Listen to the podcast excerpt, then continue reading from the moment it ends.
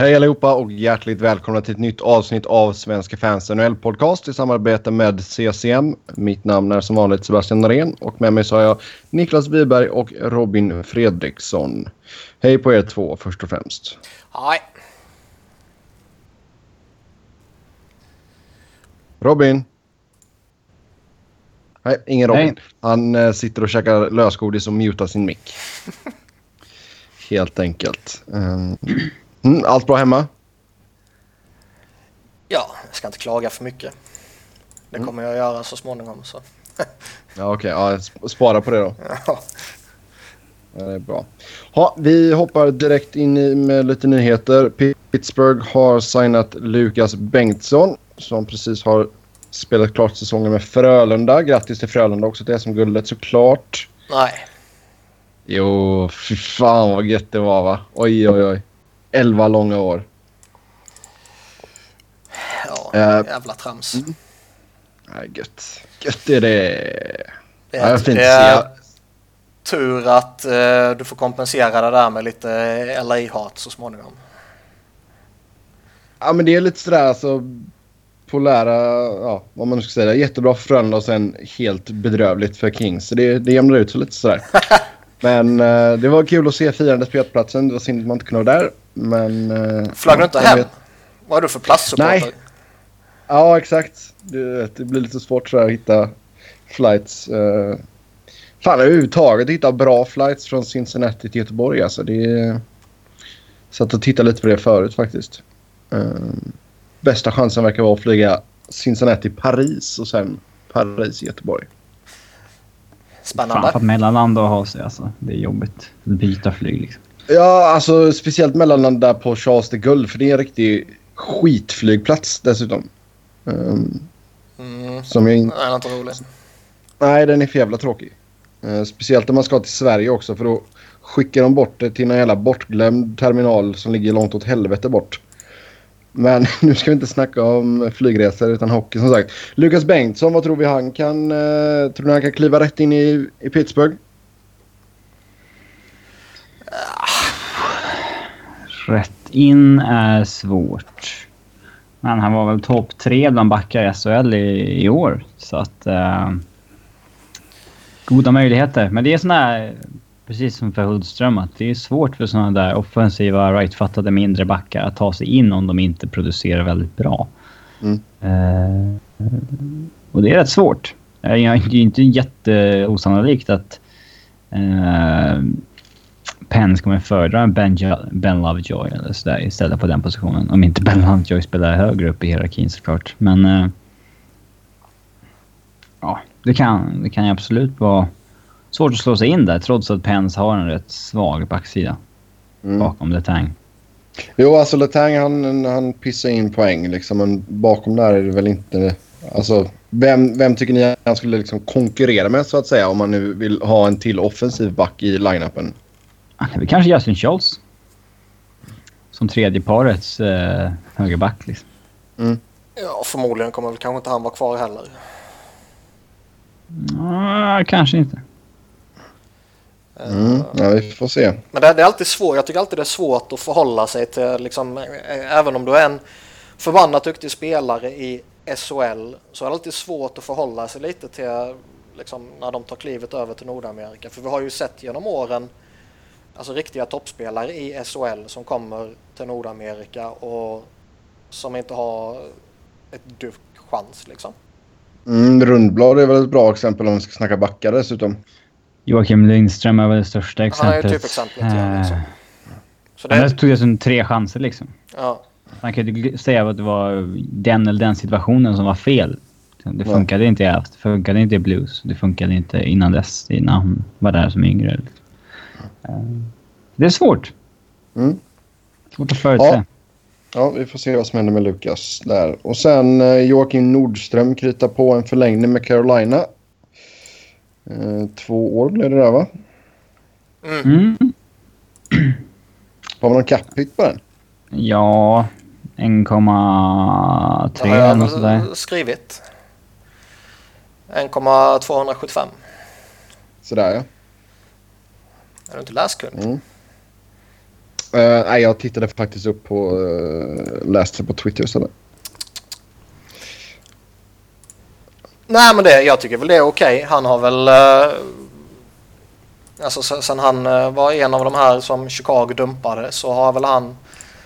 Uh, ja, jag ska inte säga att han har blivit fantastisk, men jag menar... Går han och blir en 10-målsskytt som han var denna säsongen och någonstans lägger sig på den nivån och kan ja, hålla en ordinarie plats i lite lägre ner i kedjehierarkin så är väl det bra värde man får ut liksom. Mm. Han är ju duktig på Förvånar mig, förvånar mig lite att han har tagit sig in i NHL permanent. Han var ju liksom... Uh, han, inte, han gjorde inte ens 10 poäng i AIK innan han stack över. Visserligen som första års senior då, men inte ens 10 poäng. Liksom. Det... Uh, ja, förvånat mig lite att han har tagit sig så här långt.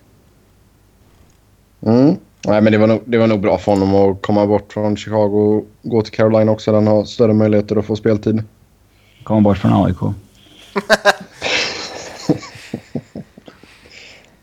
ja, det är mycket möjligt det också. Det, det är alltid intressant uh, det där liksom. Visst, du, du riskerar att bli begravd i Chicago liksom. Uh, hamna i Carolina, du kommer ha bättre möjligheter att spela och ta en plats förmodligen. Men samtidigt Men... så kommer du spela med bättre spelare i Chicago än vad du kommer göra med i Carolina. För han kommer ju husera i de lägre kedjorna liksom. Ja, Chicago, Chicago hade inte haft råd att lägga 1, ja, närmare 1,3 miljoner på en Joakim Nordström. Nej. Inte en chans. Nej. Ja, om vi lämnar de små nyheterna där då så hoppar vi in i slutspelet. Nej! Nej, vad? Du får läsa körschemat. Men jag läser ju för... Va? Vad är allt det här jag? du snackar om? Det, det står ingenting om Joakim Nordström i körschemat överhuvudtaget. Nej, tack. Har ni inte fått det? Nej, jag har inte fått någonting sånt. Så sitt inte där och klaga på mig nu. Ja, oh, det är ditt fel som vanligt. Men nej, jag, ja, nej, då kanske det har hoppat ur när jag klistrade in eller något sånt där. Oj då, oj då. Men, skitsamma. Jag tror det var Sebbes fel på något sätt ändå. Uh, jag hackar din dator. Ja, smutsigt av dig. Nej, men jag har ju skrivit upp det här också. Henrik Zetterberg, Niklas Kronvall snacket som har sippat ut från Detroit. Som vi måste ta upp ju. Ja. Mm. Uh, snacket går ju att uh, Zäta i synnerhet och lite uppbackad av Kronvall uh, styr Detroits omklädningsrum, uh, bestämmer vilka som ska spela, underminerar Jeff Blasil, coachen och um, ja, liksom när han håller matchgenomgång och sedan lämnar rummet så eh, säger Zäta att nej, vi ska göra så här istället. Eller så ligger Zäta Kronvall bakom att Jonathan Eriksson till exempel har gått före Brendan Smith när det kommer till, till laguppställningen eller att Joakim Andersson kallades upp mot slutet. Några mm. sådana där småsaker och då är det då Detroit Sports Rag som, som uppger det här och som hänvisar till lite olika källor, bland annat en spelare i laget. Okej, okay, vem är det som har golat? Ja, jag vet inte. Vem, ja, det vem står är, ju såklart inte i artikeln. Ja. Nej, men alltså, om, vi ska om vi ska spekulera menar jag. Ja, det kan ju vara Gustav Nyqvist. Han har lite golare-aura. Eh, men det, det som är lite intressant är, för det, det har ju pratats då lite om the Swedish Mafia liksom. Uh, det som är lite intressant om vi leker med tanken att det här är 100% sanning och just mm. att du nämner Gustav Nyqvist. Inte bara bestämma det. Det här är sant. Ja, det är sant. Men just Gustav Nyqvist där då som golare, han har ju faktiskt, det har ju pratats lite under säsongen att han inte riktigt har fått samma roll som tidigare och han har varit nere i en tredje kedja och lite så här. Mm. Eh, så det kanske är han som, är, som har golat. Om man ska tippa så är det väl någon av de yngre kanadensiska spelarna som kanske har, in, har fått stå åt sidan för en Joakim Anders, Andersson. Liksom. En Anthony Manta eller något liknande. Ja, jag har, jag har svårt att se att det är liksom Pavel Datsjuk eller uh, Mike skiter i allt nu bara. Eller, nej, men liksom du vet dem. Uh, det som det snackades om var att det var en spelare som liksom var när Blasil blev klar var jävligt nöjd med honom liksom. Jag tyckte det var... kan ju vara han, eh, någon av de här AHL-killarna som han haft tidigare. Liksom. Andreas ja. Antanisiau. Eller, eh, ja, någon av de här som... Blashils killar liksom. Ja, exakt. Eh, men... Ja, jag vet inte hur stort den här storyn har breakat nationellt i eh, media där borta. Tycker In, killen som skrev den... Uh, han som skrev den gav ju inte ett jätteseriöst eh, intryck liksom. Nej, det, det, känd, det kändes som att han, hans agenda var ju att slänga skit på Detroit liksom. Mm. Ja, han rantade ju om att de hade gjort dåliga trades och liksom så här. Han borde ju bara gjort en artikel när han presenterade. Det här är det som sägs, det här är källorna liksom. Källorna är... Grejen att jag, ja, jag, jag, jag tror att den här grejen kan vara väldigt uh, skarvad. Uh, jag tror det ligger sanning i det och det låter ju verkligen, alltså jag, någonstans så tror jag ju att alla lagkaptener, alla stjärnor, alla veteraner har någonting att säga till om. Och jag tycker mm. att de ska ha någonting att säga till om. Uh, det, det, tycker jag är rätt logiskt och så tror jag att det funkar i nästan alla professionella idrottslag liksom på högsta nivå. Mm oavsett om vi snackar eh, NHL eller NBA eller eh, Premier League eller Bundesliga eller vad som helst. Men det här låter ju verkligen som det är något mer än bara den där grejen. I synnerhet när alltså... man refererar till en spelare i truppen. Liksom.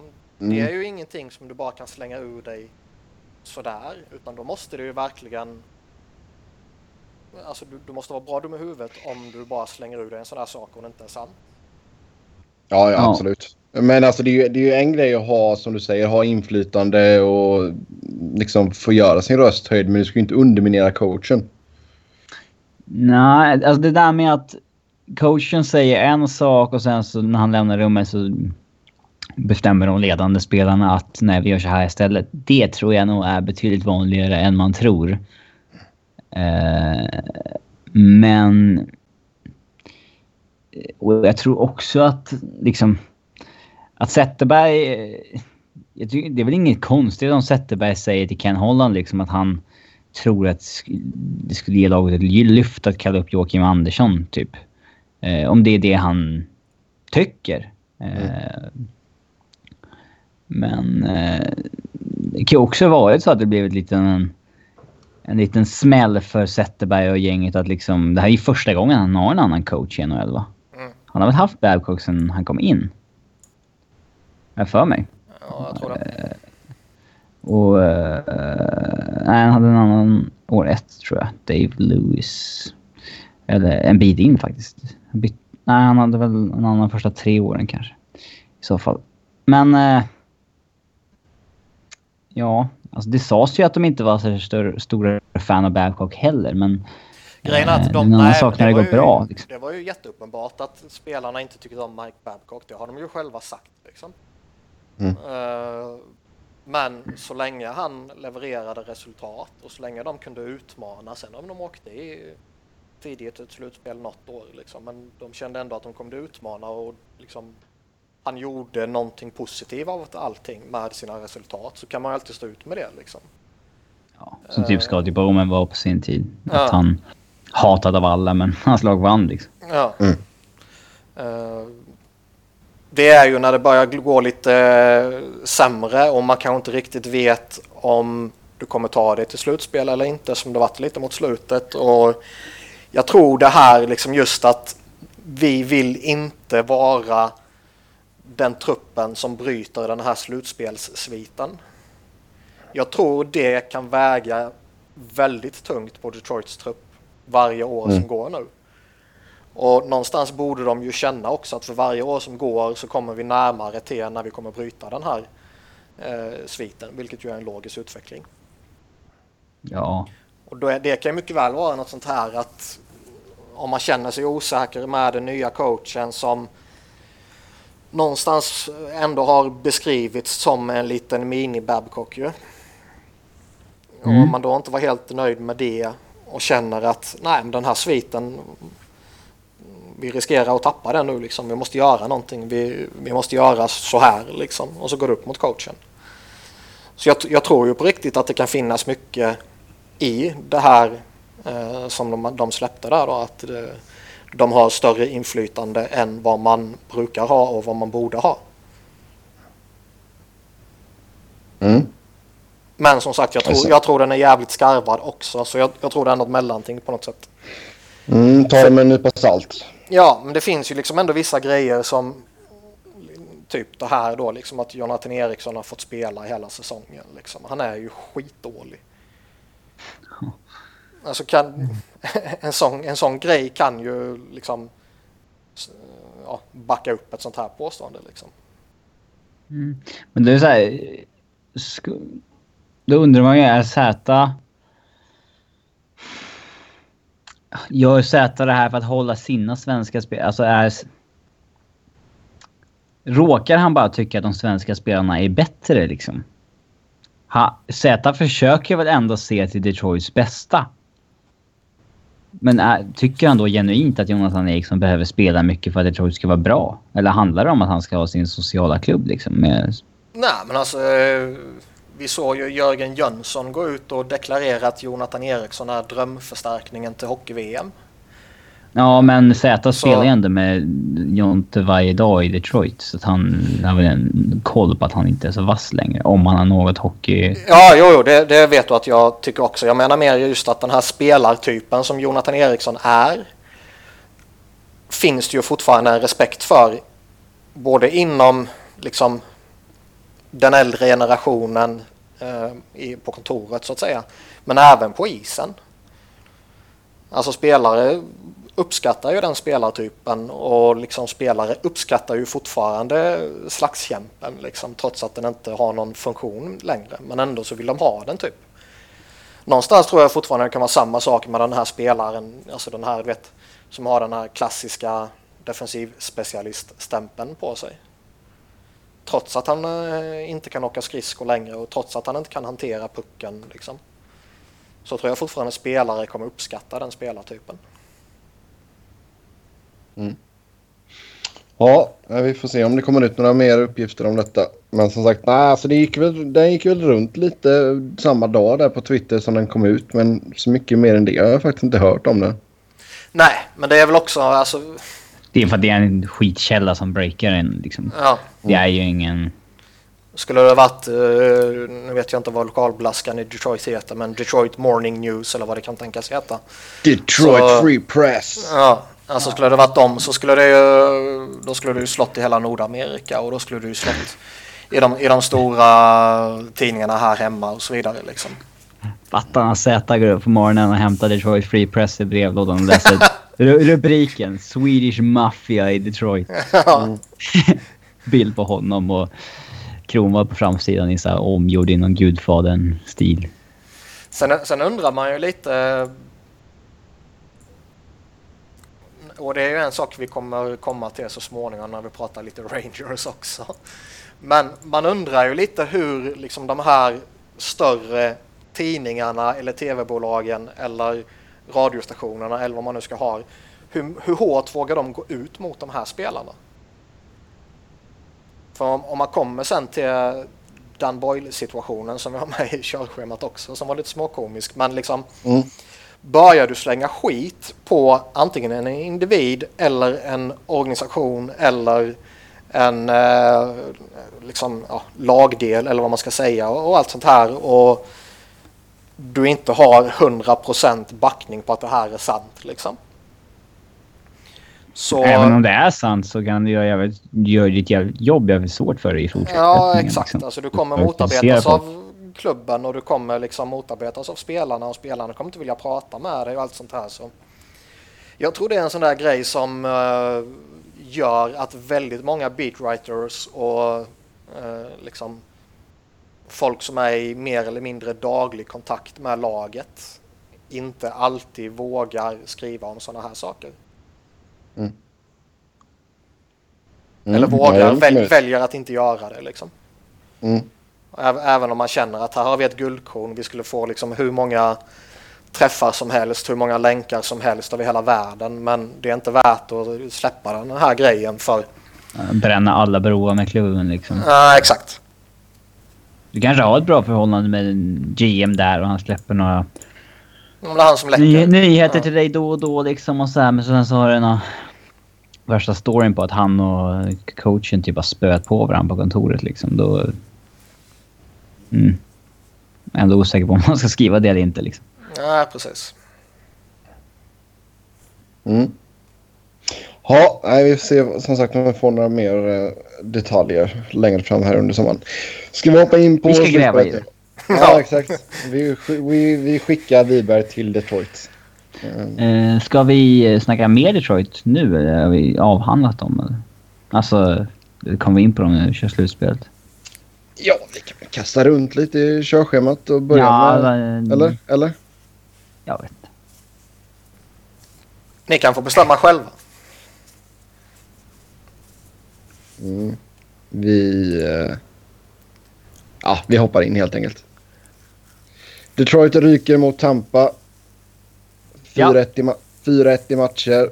Um, det var väl lite snack om att de kanske skulle ha lite av en chans, men uh, nej.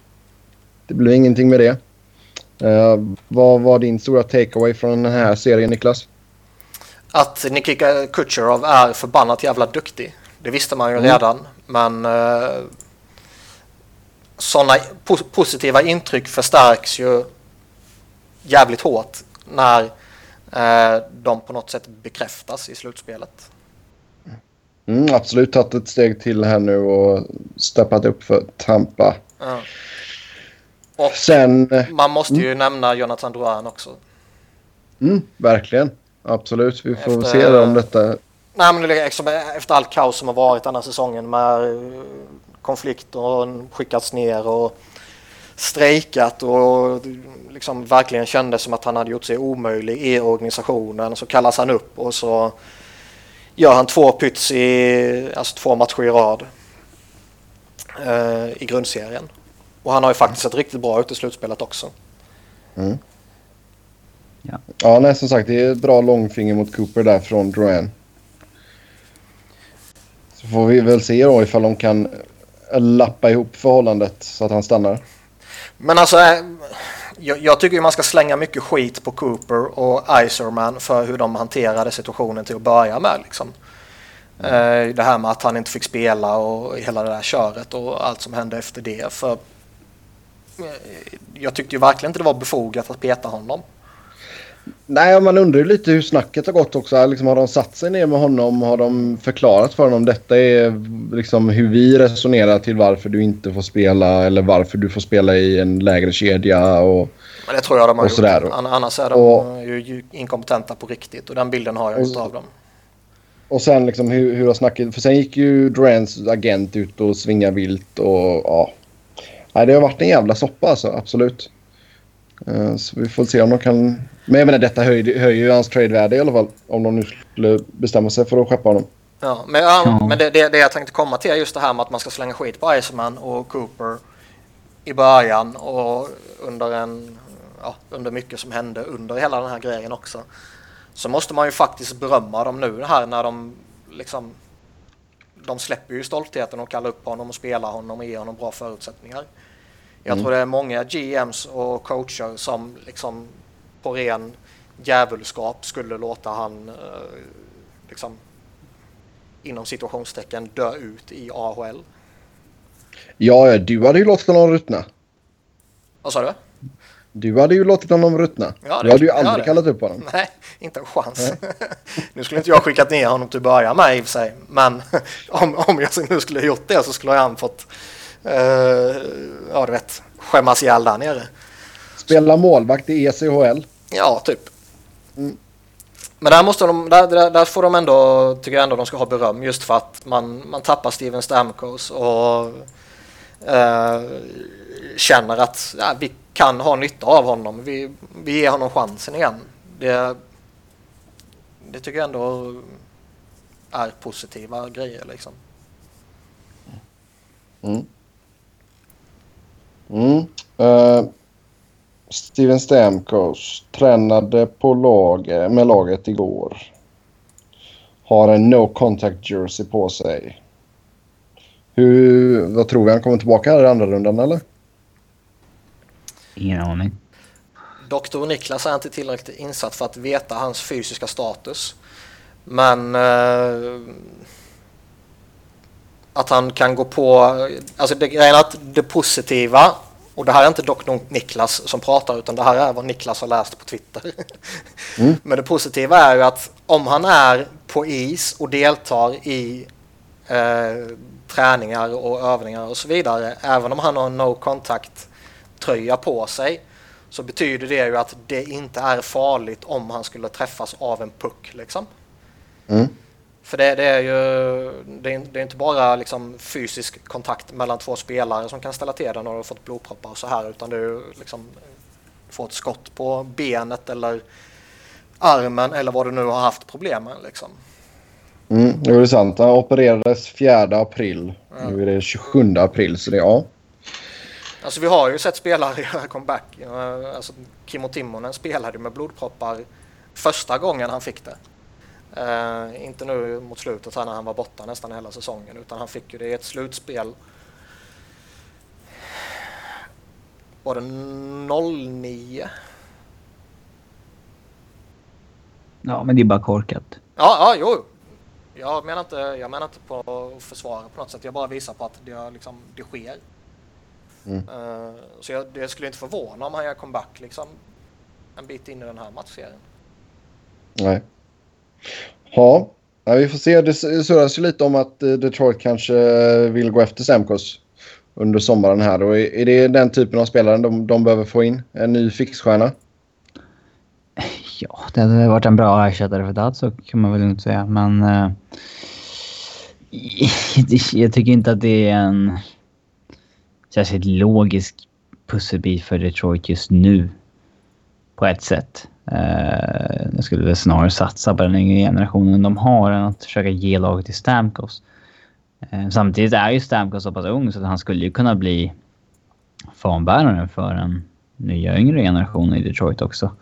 Mm. Men... Eh, kan, han måste ju ha mer attraktiva lag som är re- redo att erbjuda honom bud i sommar än Detroit tror jag.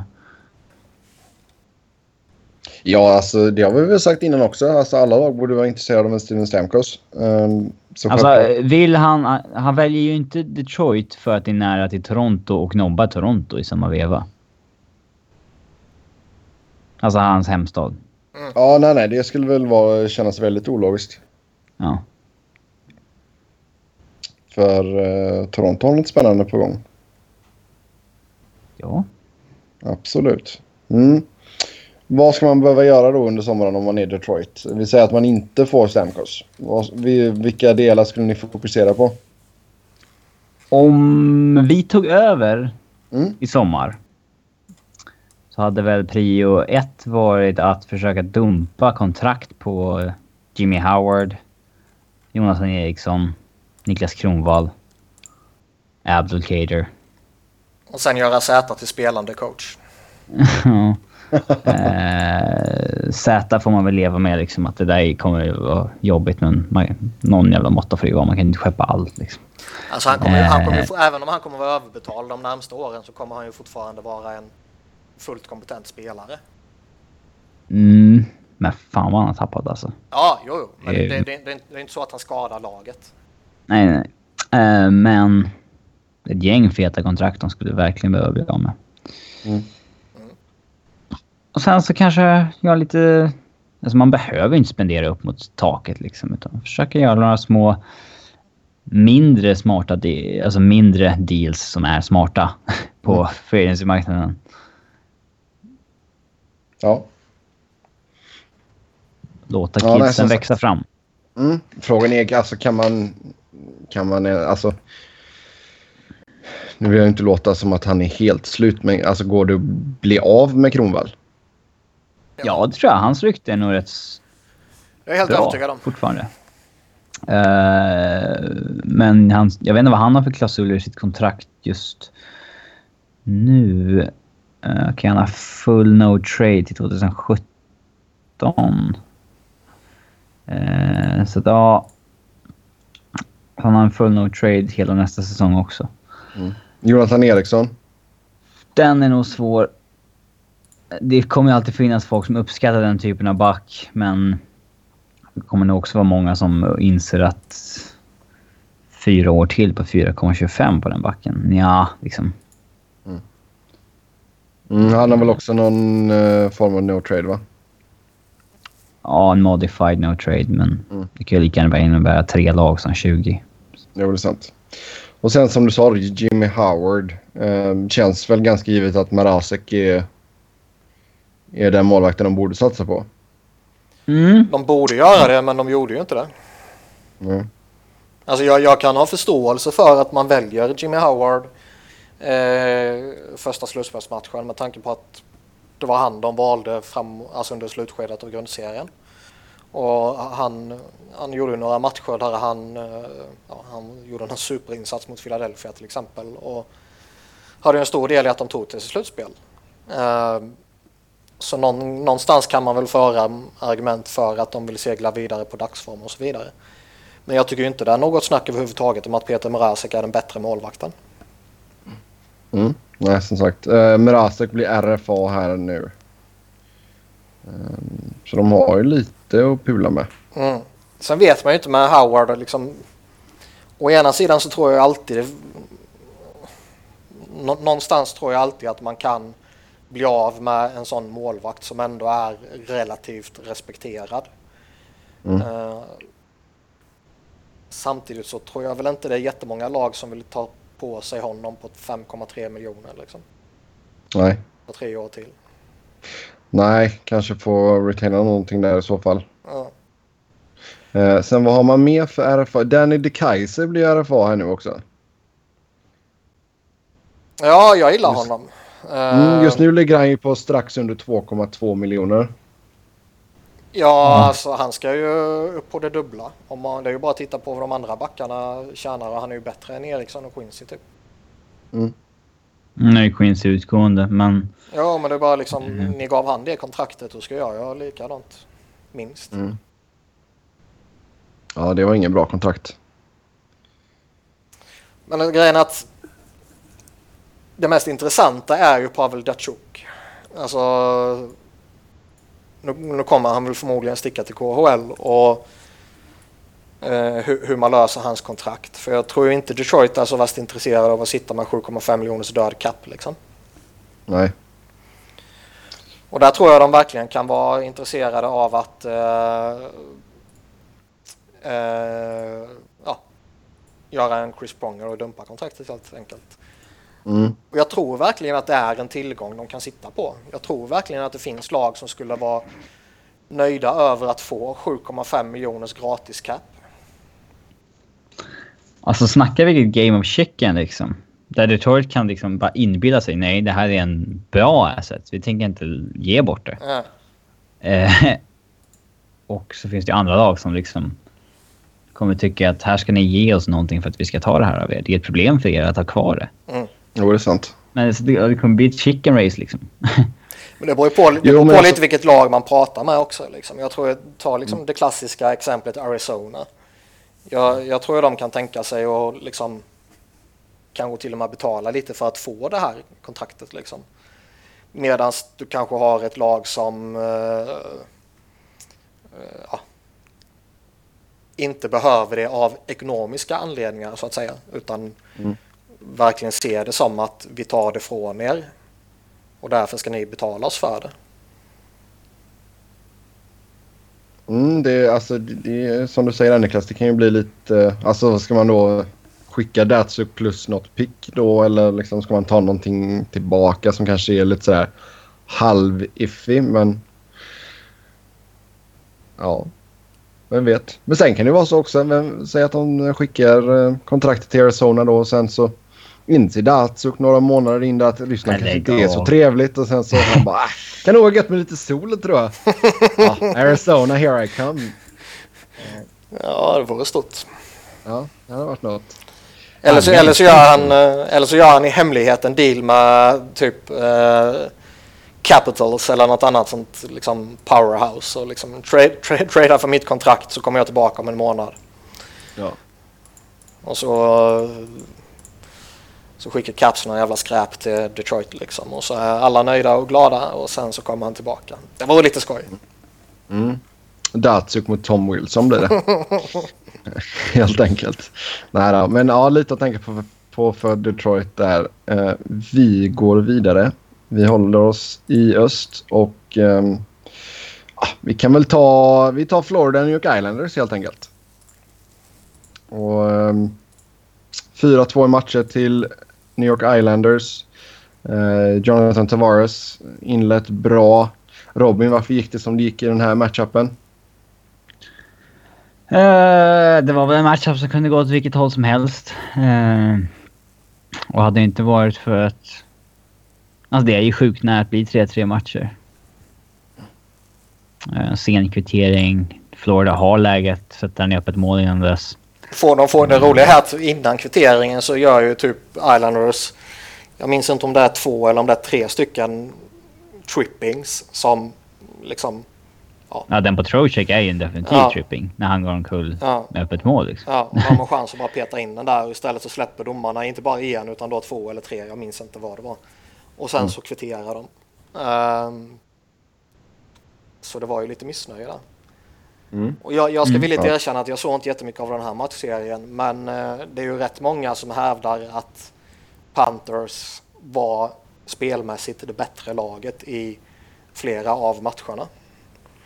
Eh, jag har inte sett tillräckligt mycket för att ja, säga någonting själv liksom men det vore väl inte chockerande heller. Nej. Nej, Men, men någonstans liksom de... Islanders hade den bästa spelaren på isen. Mm. Ja, jag tänkte säga det. Där har ju alla en som fördel när de har en kille som Tavares. Liksom. Mm. Ehm, om vi tittar på Florida då. Uh, spelare som sitter på utgående. Teddy Purcell, Jiri Hudler, Jaromir Jagr. eh, Brian Campbell. Det är ju några av de äldre, äldre gardet där. Eh, vilka ser ni att man behåller? Uh, Jagr har ju sagt att han vill fortsätta spela. Tror ni att det blir i Florida? Alltså Ja. både Jagr och Campbell har ju sagt att de gärna är kvar i Florida. Och om de säger det så bör man väl försöka ordna det. Liksom. Sen är det klart, säger Brian Campbell att han vill ha tre år på liksom sju Samma kontrakt som igen. han har nu. Ja, liksom. exakt. Då är det ju klart så att då, då kanske det blir jobbigt att lösa det.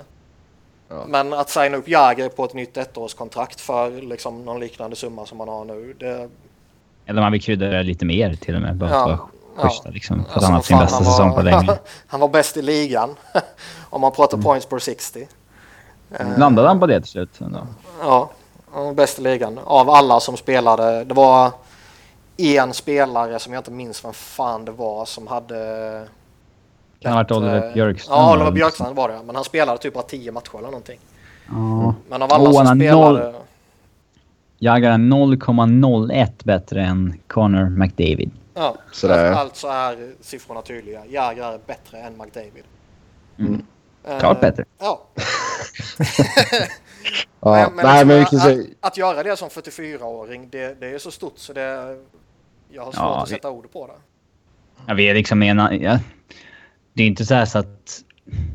Det är inte så, här så att vi är snett ute på det när vi börjar se spelare som blir sämre när de är liksom 27, 28, 29 och man börjar säga att han kanske inte ska ges ett bra kontrakt till längre.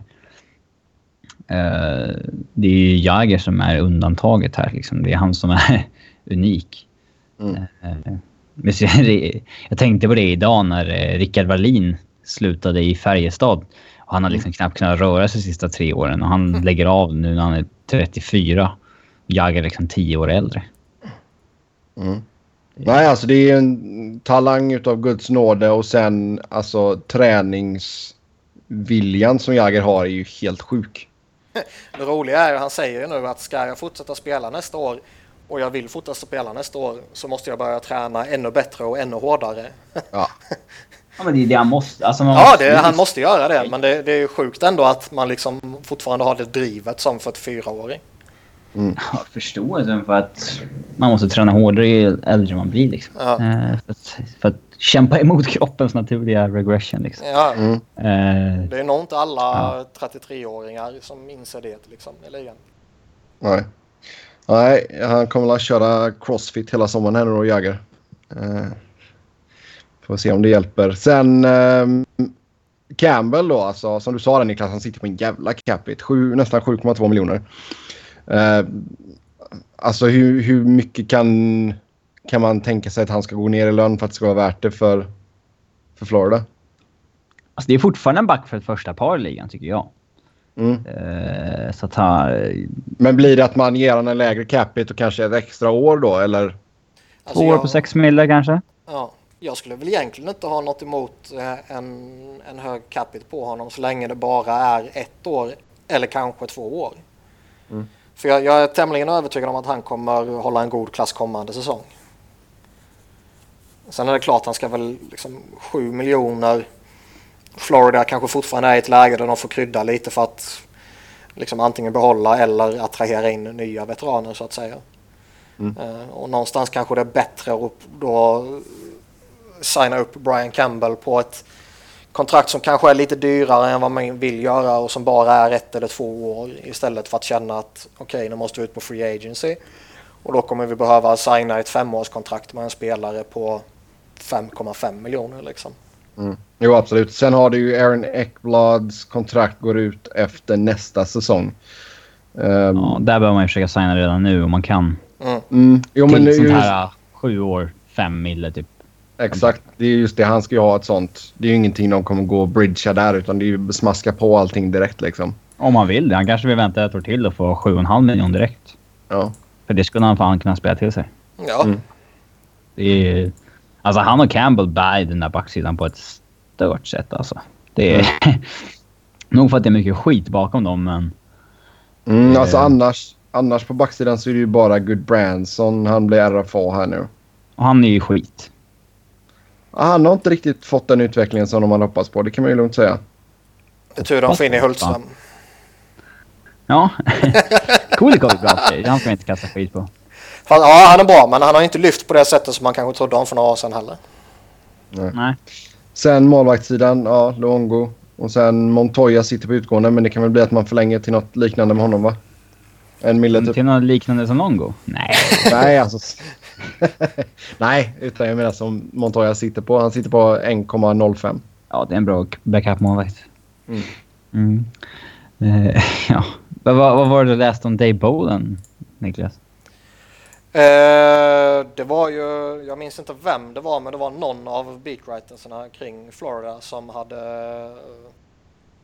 Uh, ja, han förväntas, eller de, Florida förväntas cut the ties med honom, vilket Ja. Hur? Köpa ut det? Han är väl ja. skadad? Ja. Men det räcker att han blir frisk till... Eh, nu minns jag inte exakt datum, men det är ju i juni någon gång. Är han friskförklarad då så får man köpa ut honom. Mm, han behöver vara frisk i en dag där. Ja. ja. Mm. Bada in honom i en gladpack typ. ja, så bu bubble wrap. Ja. ja. Uh, vad, har vi, vad har vi annars för roligt där med Florida? Vi, Simpa tjatade om att vi skulle diskutera nya loggan här. Tjata. Nej, det ska vi inte göra. Ja, men det kan vi väl göra? Nej, det, det är en vanlig jävla logga. Vad fan ska vi säga? Det är en logga som vilken annan logga som helst. Inte direkt. Den ser ju mer ut, påminner mer om ett fotbollslag tycker jag. Um, den är inte i närheten av att vara lika fin som Flyers. Jag tycker vi konstaterar en... det och går vidare. Jag pallar inte loggor. Nej, jag vet inte. Jag kan gilla den faktiskt som skön. Aldrig sjunka så då. Vi får aldrig börja så diskutera tröjor eller loggor eller liksom Förutom sånt Flyers. skit. Nej, jag tycker den är snyggare än den gamla loggen i alla fall. Så mycket kan vi säga. Uh, Vincent Trocek blir RFA. Hur mycket ska han ha betalt?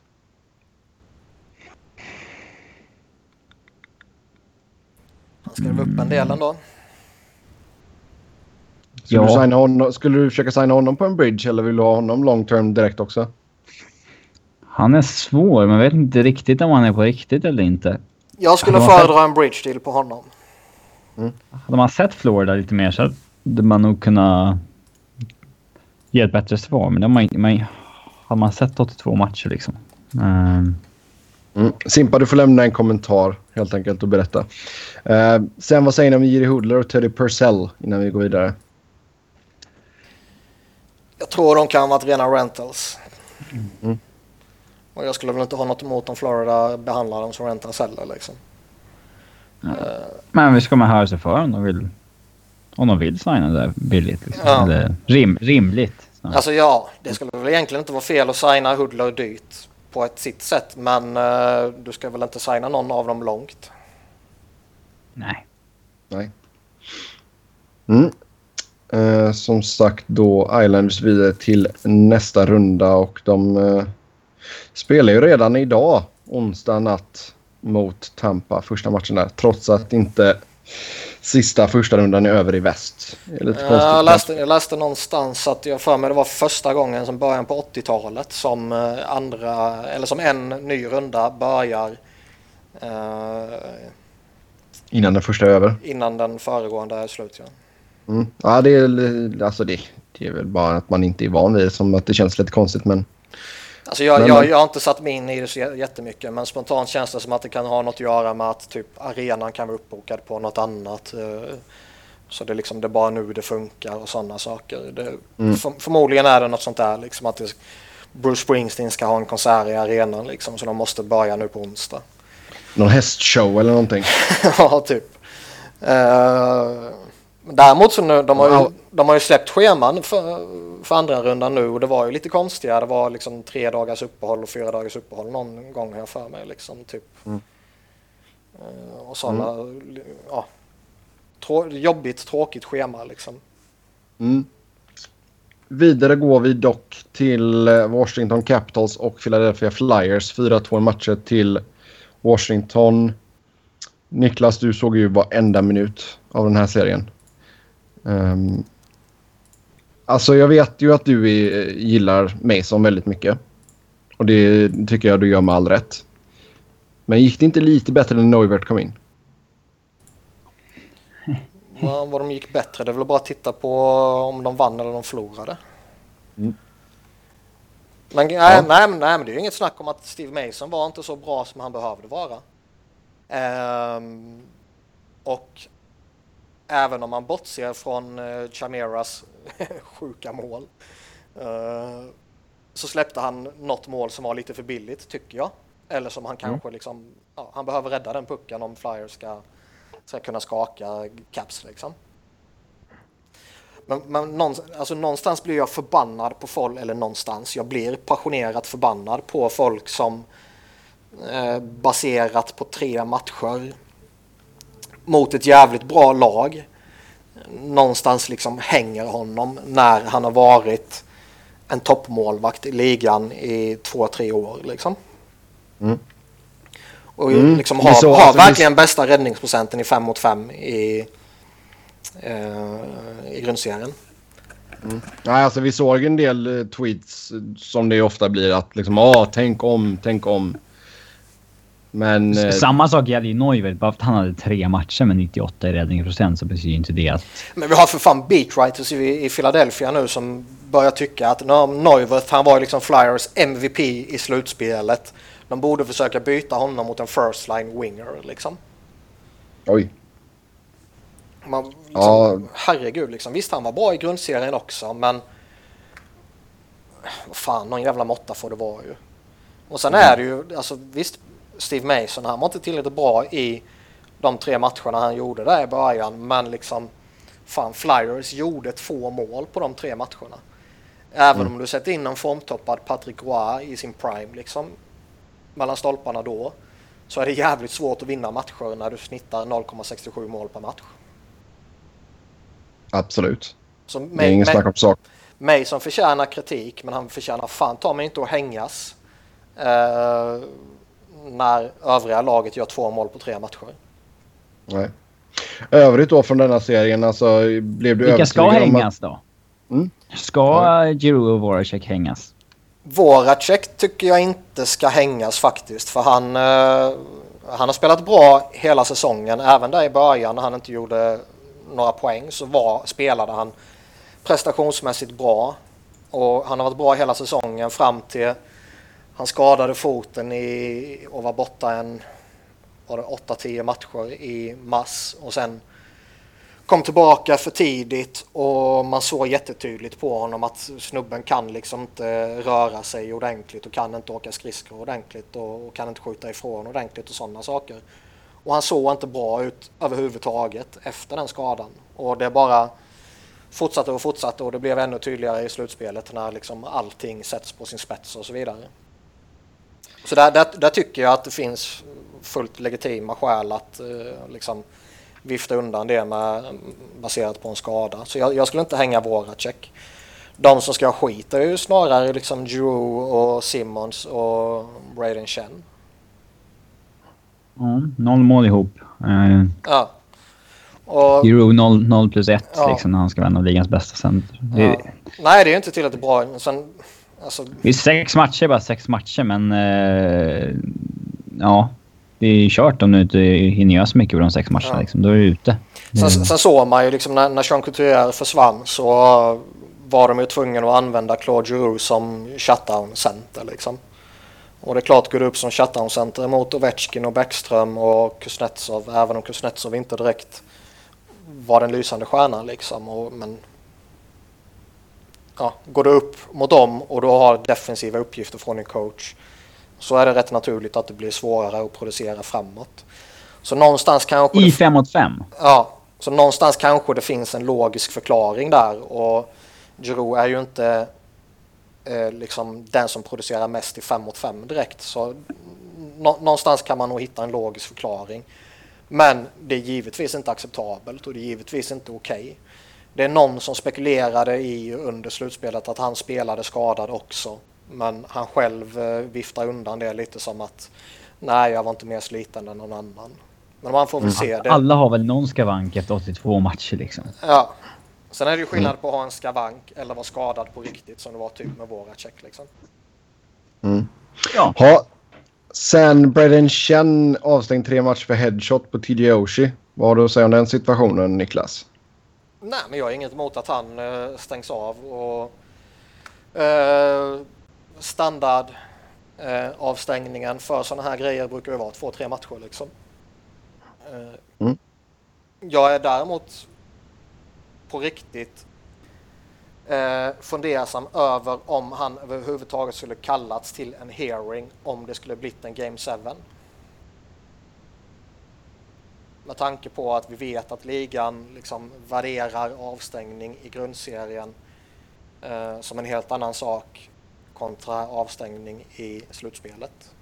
Mm. Och med tanke på vilken betydelse en Game 7 har att bli avstängd i en Game 7 så kanske det är jämförbart med två, tre matcher. I grundserien mm. som ja, det blir nu kommande säsong då liksom. Ja, exakt. Uh, så jag, jag har inte alls något emot att han blir avstängd för, för det och någonstans kan jag tycka liksom att alla headshots ska leda till hearing på något sätt och, och sådär. Men det har jag ju rantat om så många gånger så det tror jag de flesta känner till. Mm. Uh, det som gör mig jävligt förbannad är ju att de släpper så många andra saker. De släpper så många andra tacklingar mot huvudet, så många andra boardings som liksom är lika allvarliga som den här, tycker jag. Och det är det mm. som är det stora problemet med Department of Player Safety. Att man vet inte vilken nivå de håller. Nej, Nej det har vi pratat om många gånger förut. Om vi tittar på truppen då, vad tycker du man ska hitta på i sommar? Jag ska rabbla av lite namn här. Eh, Sam Garnier blir UFA. Braden Chen RFA, Nick Cousins RFA, Ryan White UFA, Jordan Wheel RFA, Medvedev UFA, Godas RFA och Manning RFA. Ja, eh, den viktiga är ju Braden Chen. Eh, han snackade själv nu igår att han gärna vill gå long term. Och I den bästa av världar kan man väl signa upp honom på ett kontrakt liknande det som Couturier fick känns det som. Mm. Eh, men som sagt han är RFA så det är inte så någon jättepanik att signa upp honom direkt. Nej. Sam Gagner skulle jag jättegärna behålla om han är villig att gå ner väldigt mycket i lön. Mm. Han har ju en capita på 3,2 nu liksom och Tampa Bay sitter ju på dryga miljonen av hans cap också tror jag. Lön på 5. Ja, Eh, så han behöver ju gå ner och jag skulle ju säga att han vill ju signa för, ja du vet, 1,5. typ, skulle jag signa honom. Antingen blir det i Philly eller så blir det i Toronto eller något ja. sånt där i sommar. Ja. Mm. Uh, Nick Cousins RFA, han kommer få kontrakt. Han har varit jätteduktig sedan han kallades upp. Uh, Ryan White. Ryan White, samma sak. vill jag bara slippa för han är så jävla dum i huvudet och han är farlig och han är ful och tämligen oduglig på allting han gör. Sen mm. verkar han vara jävligt omtyckt av både lagkamrater och kedjekamrater och coach och hela det här köret. Och vi har ju media. Pratat, och media. Och vi har ju pratat om... Uh, Flyera hockey. Uh, ja, vi har pratat om den här fjärde kedjan och hur Hackstall använder den. Så jag skulle inte bli ett dugg förvånad om han får nytt kontrakt. Men han jag tycker inte han ska ha... Flyers hockey. på ett sätt gör han det ju. mm. uh, Jordan Wheel RFA och jag bryr mig väl inte ett skit vad som händer med honom. Uh, han såg väl inte jättebra ut när han väl fick chansen. Sen fick han inte tillräckligt många chanser liksom. Nej. Radko Gudas kommer väl få nytt kontrakt. Uh, han, vad han är värd pengamässigt, det är väl svårt att förutse. Alltså. Ja, alltså. Jag tror någonstans att det finns en, uh, att han kan landa, du vet 2,5 och 3, du vet den där standardkontraktet som som typ sådana backar får. Men jag skulle väl inte vilja gå så högt. Jag skulle väl, in, mm. jag skulle väl inte vilja gå över två miljoner liksom. Och även det tror jag är i högsta laget för vad jag skulle vara beredd liksom. Uh, han är ju liksom plockar han bort det här ovårdade spelet så är han ju en rätt okej okay back liksom. Och under långa stunder den här säsongen så var han liksom vår top, en av våra topp tre backar. Och när Michael Del Sodo försvann så var han ju på riktigt vår näst bästa back liksom. Och nu är ju det inte direkt ett gott betyg till försvaret i, i, i övrigt. Men eh, ja, jag skulle inte bli förvånad om han får ett, eh, ett kontrakt som är ett snäppet bättre än Nick Schultz kontrakt eller något sånt där. Mm. Medvedev? Alltså jag tycker om honom jättemycket och jag tycker det är skitkonstigt att han inte han fick spela mer. Men han har ju själv gått ut och pratat om att han har varit småskadad typ hela säsongen och att flytten till Nordamerika och allt vad det innebär, annorlunda spel, annorlunda allting och längre säsong i hela det här köret att liksom, ja, det slog hårt på hans kropp. Som, han är 33 bast redan liksom. Och han har pratat med några andra som har kommit över i liknande läge som honom och säger samma sak att första säsongen är jättejobbig. Så det kanske var så att han var småskadad hela säsongen och det var inget konstigt med att han var petad liksom. Men en fullt mm. frisk Evgenij Medvedev måste ju vara en topp 4-back i den här backbesättningen. Ja.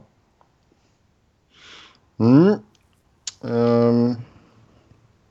Ja, Neuvert mot en första line uh, winger lär ju inte hända i alla fall. Jag skulle gärna göra det. ja, jo det förstår jag.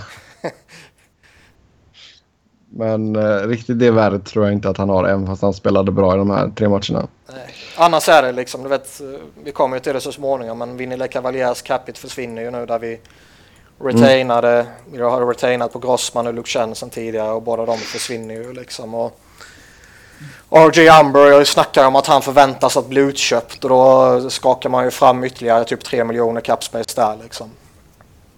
Mm. Så det, det viktiga är mm. väl egentligen att kanske göra sig av med något dödkött till. Kanske lyckas man bli av med Mark Strite och, och, lite sånt där. Annars handlar det ju bara om att liksom lotsa in kidsen.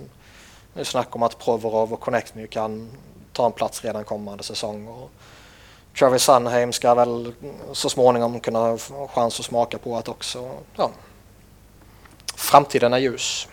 Mm, jag tänkte säga snittåldern sjunker ju ganska drastiskt ifall det, ni skeppar uh, straight och uh, Umberger blir utköpt. Mm. Så vi får se vad som händer där. Hur impad blev du av Capitals? Tror du att de är cup contenders på riktigt? Ja, jag tror ju verkligen att de är det och jag tror Klart de kan, kan vinna. Men... långt. Men det är inte så att jag var rädd för dem alltså. Rädd? Nej, nej, alltså, Niklas, rädd, du är väl aldrig rädd för någonting? nej, men det är inte så att jag nej. fruktade dem liksom i... Utan det, det enda man fruktar med Caps det är ju Tom Wilson och vad fan han ska hitta på. Mm. Eh, Men Red. Fortfarande inget riktigt uh, hjärnsläpp från honom än va? han är ju lika eh, galen som han alltid är. Bara tur att man inte... Att han inte fick ett läge där han kunde döda någon på riktigt. Men han gick ju efter folk som vanligt ju. Ja. Eh, och det var, det var ju... Tom Wilson. Ja det är jag. Ja det är jag. Möta honom i en mörk gränd. Nästan värre än att möta Evertsson utan tröja i en mörk. Ja. jag, jag svingar ju hellre med Evertsson än med, med Tom Wilson. Ja men. Ja. Vi, med det så går vi vidare. Eh, Pittsburgh tog hand om New York Rangers 4-1 i matcher. Eh, Det kändes Ja. inte som en 4-1 i matcher. Rangers var, kändes lite bättre i flera av matcherna. det- jag såg. Ehm, men uh, Pens har ett mycket bättre lag så det är rätt naturligt att de vann. Men jag tycker Alltså, inte att 4-1 i matcher speglar serien så väl. Alltså Pittsburgh har ju varit jäkligt heta här nu på slutet. Eh, ja, de har varit... Har de varit bästa laget sen årsskiftet? Vågar Ja, säga utan tvekan. Utan Ja. tvekan. Så det, är- det är ju ingen eh, chock direkt att det att, att de gick vidare men att det bara tog fem matcher. Det är väl Nej, li- alltså, vi lite... hade ju ändå Ryan McDonough var borta liksom. Uh, Missade några matcher och det gör ju jättemycket och sen var han kanske inte i helt gott slag när han kom tillbaka och allt vad det innebär liksom. Eh, Henke Lundqvist var väl inte på topp heller även om man väl inte ska lasta liksom utgången på honom. Ja det kan vi göra såklart. Men, eh, Ja, nej, men vi, vi bakar in en lyssnarfråga här. Är, är Henrik Lundqvist slut som målvakt? Eh, sitter Allan Vigneault säkert? Och hur vänder man en franchise som, draft, som draftar först som nummer 82 i sommar? Ja, alltså att de har satsat har ju varit naturligt för de har liksom varit för eh, djupt inne i det för att backa. Mm. Men... Eh, Men alltså Henrik Lundqvist är inte var väl- slut. nej, Det här var väl sista... Sista satsningen borde, kan jag tycka. ja. Man måste ändå försöka se till organisationens bästa nu på lång sikt och inte bara tänka på att win it for Hank liksom. Eh, vem vet, Ja, de men- kanske kan vara bra igen om tre år. Då kanske Lundqvist fortfarande kan vinna med dem om de liksom börjar om nu.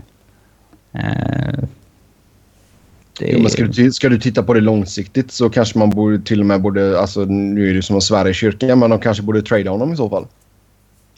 det kan inte... Alltså, han har väl full no, no movement och... Eller no trade och ett kontrakt som egentligen ingen vill ta i. Eh, även fast han är jätteduktig såklart. Men jag menar sätt honom i ett lag som Dallas. Jo, det är klart men... Jag tror det skulle vara ett för stort statement att trada honom. Jag tror inte man eh, vågar eller vill göra det. Ja, det är för många... För mycket grejer.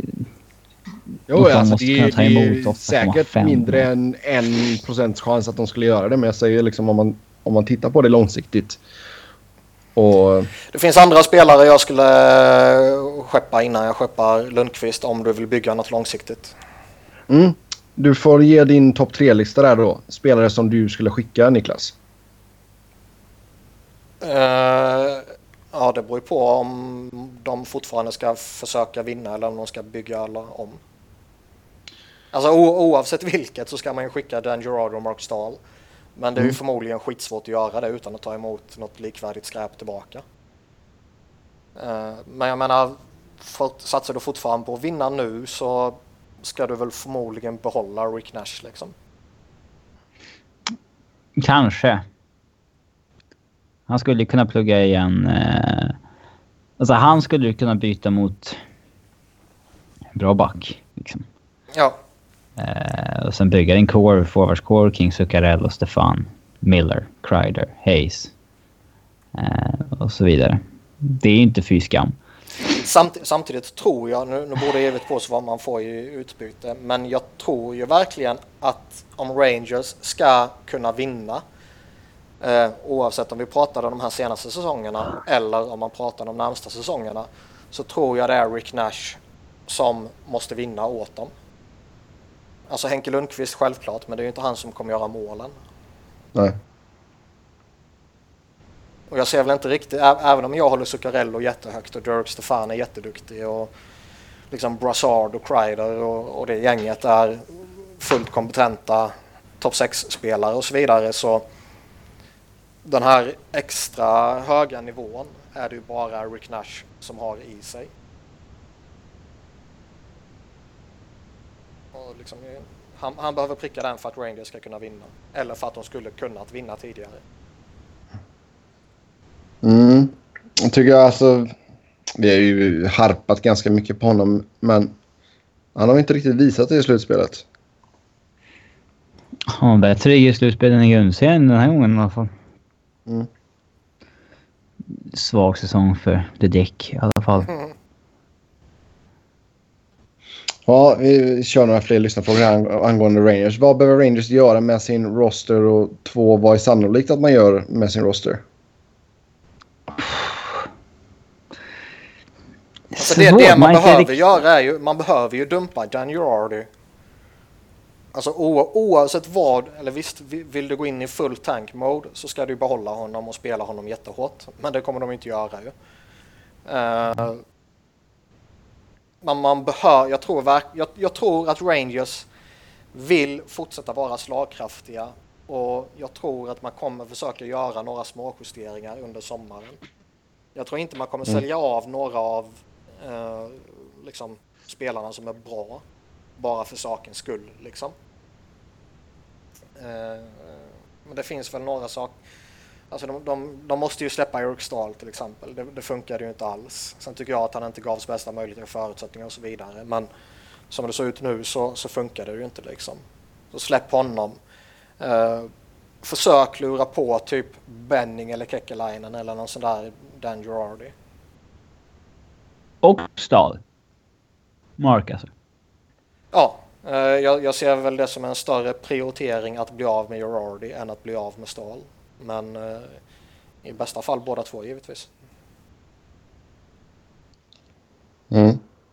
Och lägg de pengarna på att försöka resigna Jandal. Ja. Och Dan Boyd. Men, alltså, ett år på Dan Boy skulle jag inte nobba om, om det var på samma... Jag vill ju ha kvar honom bara för eh, det som hände i hans, eh, eller på den här locker clean out day. Ja, han gick hårt åt Larry Brooks där. Uh, bad honom att mer eller mindre gå därifrån. Att han inte ville prata med honom. Um, Ja, Det var ju snällt uttryckt. Men, ja, det var väldigt... Ja, ja, det var det faktiskt. Nej, han var ju inte alls nöjd med Brooks och tycker att han bara slänger skit på dem och sådär. Um, alltså det är Du ser- jag vet inte Det är en exakt intressant- vad har Brooks sagt om Boyd i år. att han har varit uh, oduglig, han uh, förtjänar inte kontraktet och du vet sådana saker. Eh, Eh, har, har han kastat lika mycket skit på Gerard och Stahl då?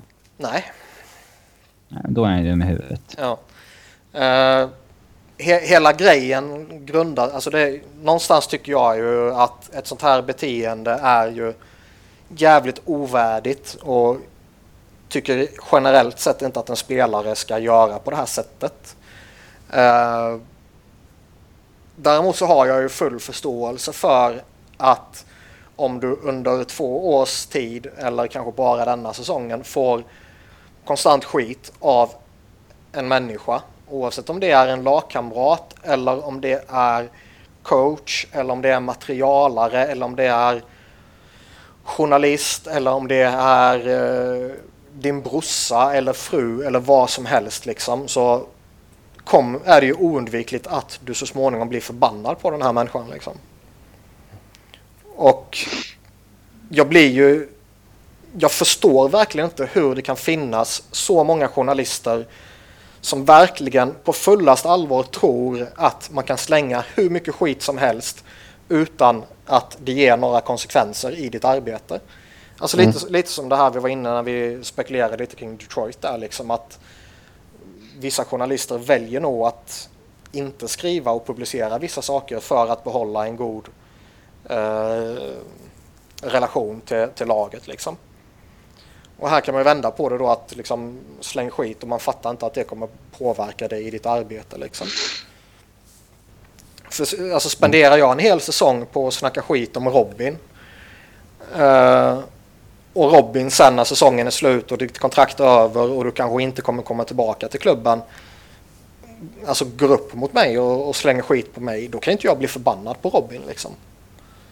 Fram, framförallt så tycker jag i, i den här situationen så verkar det vara lite förmildrande omständigheter då Dan Boyle verkar ha gått igenom någon form av personlig kris som eh, folk inte riktigt vill prata om vad det är för någonting. Men att det har varit en stor allvarlig grej och att liksom lokalmedia har informerats om det här av klubben liksom. Uh, så jag, jag, kan tycka att under de förutsättningarna så har jag faktiskt inget emot liksom, budskapet som Dan Boyle vill skicka till Brooks och en snubbe till som jag inte minns vad han heter nu. Mm. Uh, men givetvis ska han hantera det på ett bättre sätt. Jag tycker det blir lite barnsligt när man står liksom vid, vid sitt, uh, i omklädningsrummet omgärdad av ja, jag vet inte om det var fem eller tolv journalister, men whatever liksom och säger åt att nej, du får inte vara med, du måste lämna härifrån så kan jag prata med er andra liksom. Jo. Då tycker jag det är mer hedersamt liksom att har du några problem med honom som liksom sätt blicken i, i hans ögon och säg det där och prata om det då liksom. Och ta det på det sättet. Mm. Nej, som sagt, Bo Boyle sa att han inte ville ha Brooks där och sen uh, så sa Brooks att the feeling is mutual. Ja, exakt. Och jag menar bara där så visar ju Brooks att han inte är professionell för fem öre. Mm. Och det var ju andra lokal, eller alltså andra Rangers journalister som uh, liksom uh, slängde skit på honom, du vet i, i samma det här att han han avslutade sin tid i Rangers på samma sätt som han behandlade pucken under tiden i Rangers. Han tappade det liksom. Mm. Och de har massa sådana här grejer där de, liksom, de tar inte en professionell... De tar det inte hela på en professionell nivå tycker jag. Mm. Så det, det, är underhållande så här utifrån att titta på när massa idioter håller på som de gör. Men det är ju jag skulle vara tämligen skogstokig om jag skulle vara någon form av mediaansvarig typ i Rangers eller något sånt där. Ja, det är ju ingen bra sits att bli, liksom försöka ta hela den situationen. Absolut inte. Ja, eh, sen om vi tittar lite mer på Pittsburgh istället då. Vad har Connor Sherry och Tom Kunackle betytt för Penguins? De har varit jätteduktiga. Mm. Eh, Kühnhackel var ju en sån där som man kanske inte trodde skulle kunna nå NHL överhuvudtaget och han är ju skitgrym nu. Eh, Conor Shearer har ju gått in och har ju liksom spelat första kedjan med Crosby och så här och, och ger ju fart och fläkt och hela den där biten. Så båda två har ju eh, varit jättepositiva överraskningar. Mm. Och de bidrar med lite poäng och, och hela det köret också. Ja. Mm, vi kommer komma till Pittsburgh mot Washington här om en liten stund. Men först ska vi gå igenom Western Conference. Uh, vi börjar med San Jose LA så vi får det undanstökat. Uh, 4-1 i matcher till San Jose. Uh, hämnden är ljuv säkert för dem uppe i norra Kalifornien. Um, ja. Alltså grejen är att vi... vi som det gick vi, vi driver ju mycket med dig och du vet ju och jag tror att många lyssnare förstår att vi gör det med skämtsamt och sådär liksom. Men... Och du gör det med, med glimten i ögat men Robin är ju elak på, på allvar. Så jag, ja, jag, när, han kan vara passionerad. Ja, jag kommer säga liksom Robin whatever the fuck his name is, he's gone. Take him out of here. Nej då. Uh, kör en boil där. Nej då, men alltså det är men grejen tragiskt att se den här jävla ja. matchen alltså. Jag, jag, jag, liksom, jag, vill inte slänga skit på dig och på det sättet liksom, men jag är förbannat jävla glad över att LA åkte.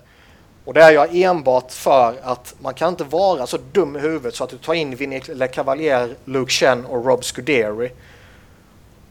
Och sen ge dem stora roller och hoppas och någonstans liksom att det ska gå bra. Är du, Nej, så, är du så korkad så förtjänar du att åka direkt liksom. Jag tycker det är ett jätteunderbetyg till Dean Lombardi, verkligen. Mm. Um, och jag tror, och Sen vet man ju inte alltså. Han hör ju säkert med Sutter också liksom. Och Sutter har ju säkert gett sitt okej till detta också. Jo, Så det, det, det är ett jäkla underbetyg till ledningen. Ehm, Men man vill ju ge dem liksom benefit of the doubt för att de har lyckats så jävla bra de senaste åren. Alltså tills det faktiskt misslyckas. Eh, jo. Jo alltså, någonstans har de ju förtjänat den rätten. ju. Jo, men alltså, alltså speciellt Scuderi. Alltså jag förstår inte varför man plockar tillbaka honom. Och sen så sätter du honom i första paret med Ja. Doughty. Och han drar ju ner Doughty något så in i helvete. Alltså jag, jag kan ju, det är lite som vi pratade eh, Jonathan Eriksson, den här spelartypen kommer ju alltid vara attraktiv i ligan tror jag. Så jag, jag kan ha förståelse någonstans för att man väljer att ta in en sån här ärrad slutspelsveteran för det någonstans finns i kulturen i ligan liksom. Eh, men liksom fan, låt han spela du vet, nio minuter per match i ett tredje par och låt han liksom stå framför mål i PK och rensa lite. Liksom. Exakt. Ja, absolut. Men pro- problemet med att ta in både Scuderi och Luke Chen är ju att du kan inte spela dem tillsammans.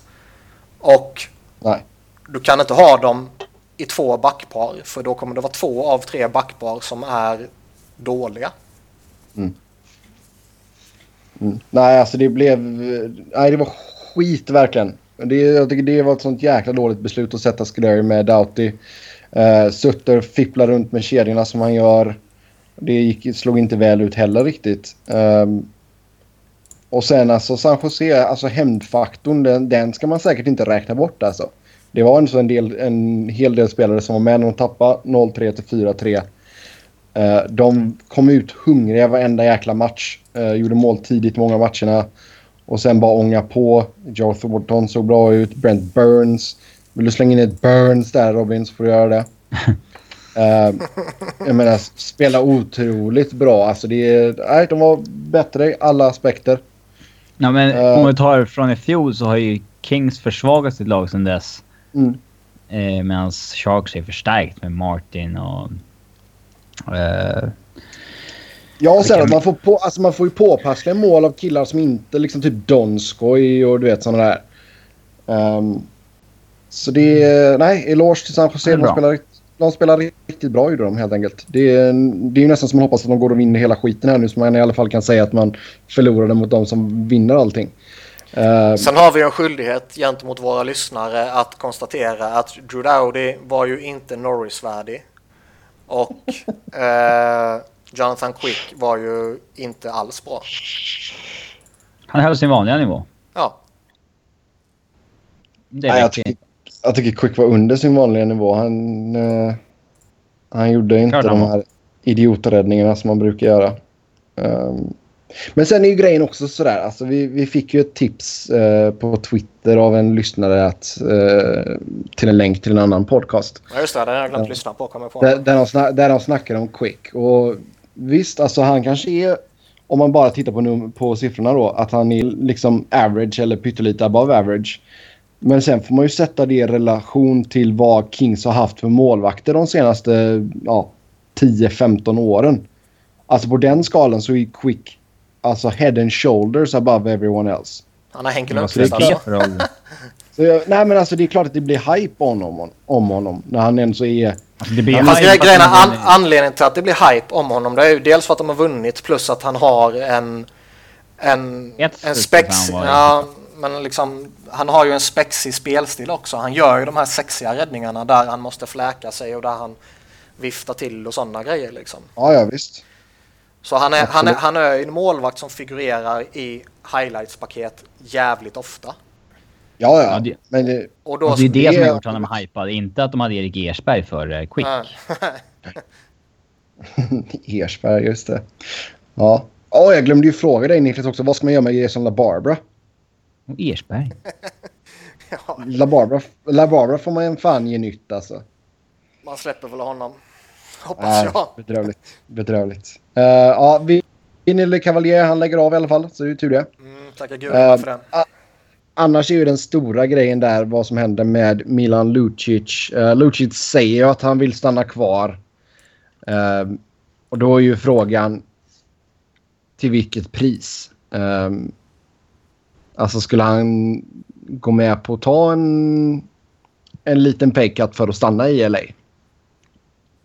För det är ju det som kommer behöva krä- krävas ungefär. Alltså man ska ju inte ge Lucic mer än kanske 5,5. Har man utrymme att ge honom alltså, ca, alltså en cap hit? Just nu. Alltså en bra cap hit.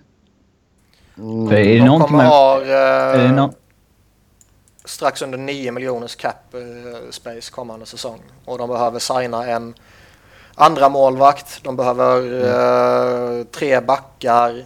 Och de behöver eh, någon forward liksom. Ehm.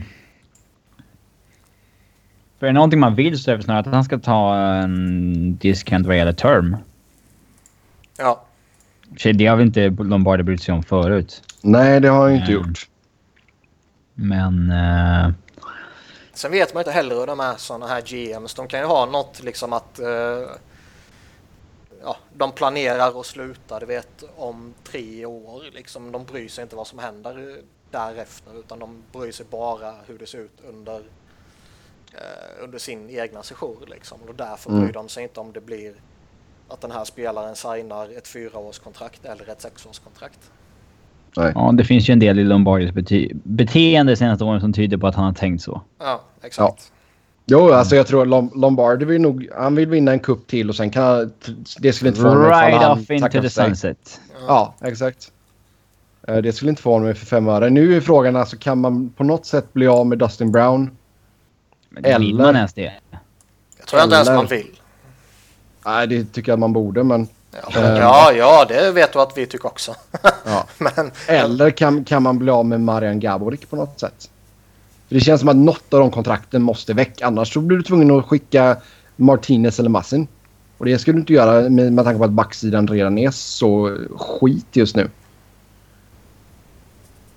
Mm. Alltså jag, jag tror någonstans tror jag väl det är enklare att bli av med Garbrick än med Dustin Brown. Och inte bara för att han är miljonen billigare utan mest för att jag tror fortfarande han har ett betydligt bättre rykte eh, runt sig i ligan än vad Dustin Brown har. Mm. Även om jag tror att Dustin Brown fortfarande är respekterad för det han har gjort och han är en god spelartyp och god kapten och bla bla bla och hela det här skitsnacket liksom. Och jag, så tror jag det är många, eh, liksom den äldre generationen som skiter i att han är tämligen oduglig. Mm, ja, men jag tänkte säga det. Liksom, hur, hur mycket är de egenskaperna värda? Är de verkligen värda liksom, nästan 5,9 miljoner om året? Liksom? Eh, Nej det är man inte men vi har ju sett Dean Lombardi han är ju lojal in i döden liksom. Och är det någon han ska vara lojal mot så är det ju Dustin Brown liksom. Jo. Nej, så vi får se. Och sen, alltså, sen gäller det att man får börja slussa upp lite av de yngre spelarna.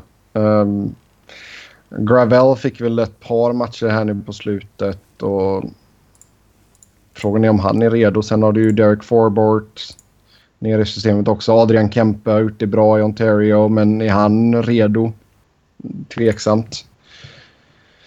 Men uh, Ni ja, har ju inte så mycket spännande direkt. nej. Det är ju det ni har uppe nu som ska göra det liksom. The Foley. Mm. Nej, men det, visst, jag kan väl se Forbort eller Gravel ta en plats. Sen om Kempe gör ett jäkligt bra camp så Kempe gör bra camp.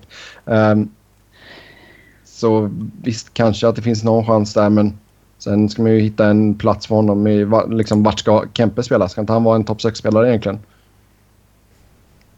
Jag har inte något emot att lotsa in en sån spelare i en fjärde kedja om det är vad som behövs. Nej, så vi får se. Det, det Lombardi behöver ha lite att fundera på. Det är som sagt. Och sen har du Trevor Lewis som sitter på utgående. Ehm, kan bli att han blir för dyr. Ehm, Christopher Stig. Ja, det kändes väl mest som en rental. Ja, han kan man inte förlänga med. Nej, Luke Chen ska du inte förlänga med. Nej. Ja, möjligtvis om han blir... Alltså det, det finns ju ett scenario där du kan förlänga med Luke Chen. Det är ju om han blir väldigt billig, signar för dryga miljonen och Rob Scuderi slutar. Mm. Men Scuderi har ju kontrakt för nästa säsong också, så varför skulle han sluta för liksom? Ja, ja gud.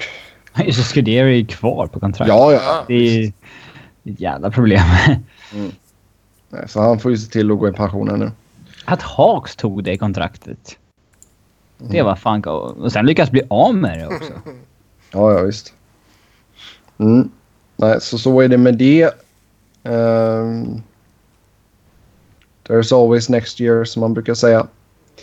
För fönstret, är ju- för- fönstret är ju fortfarande öppet för LA, det, det får man inte så säga.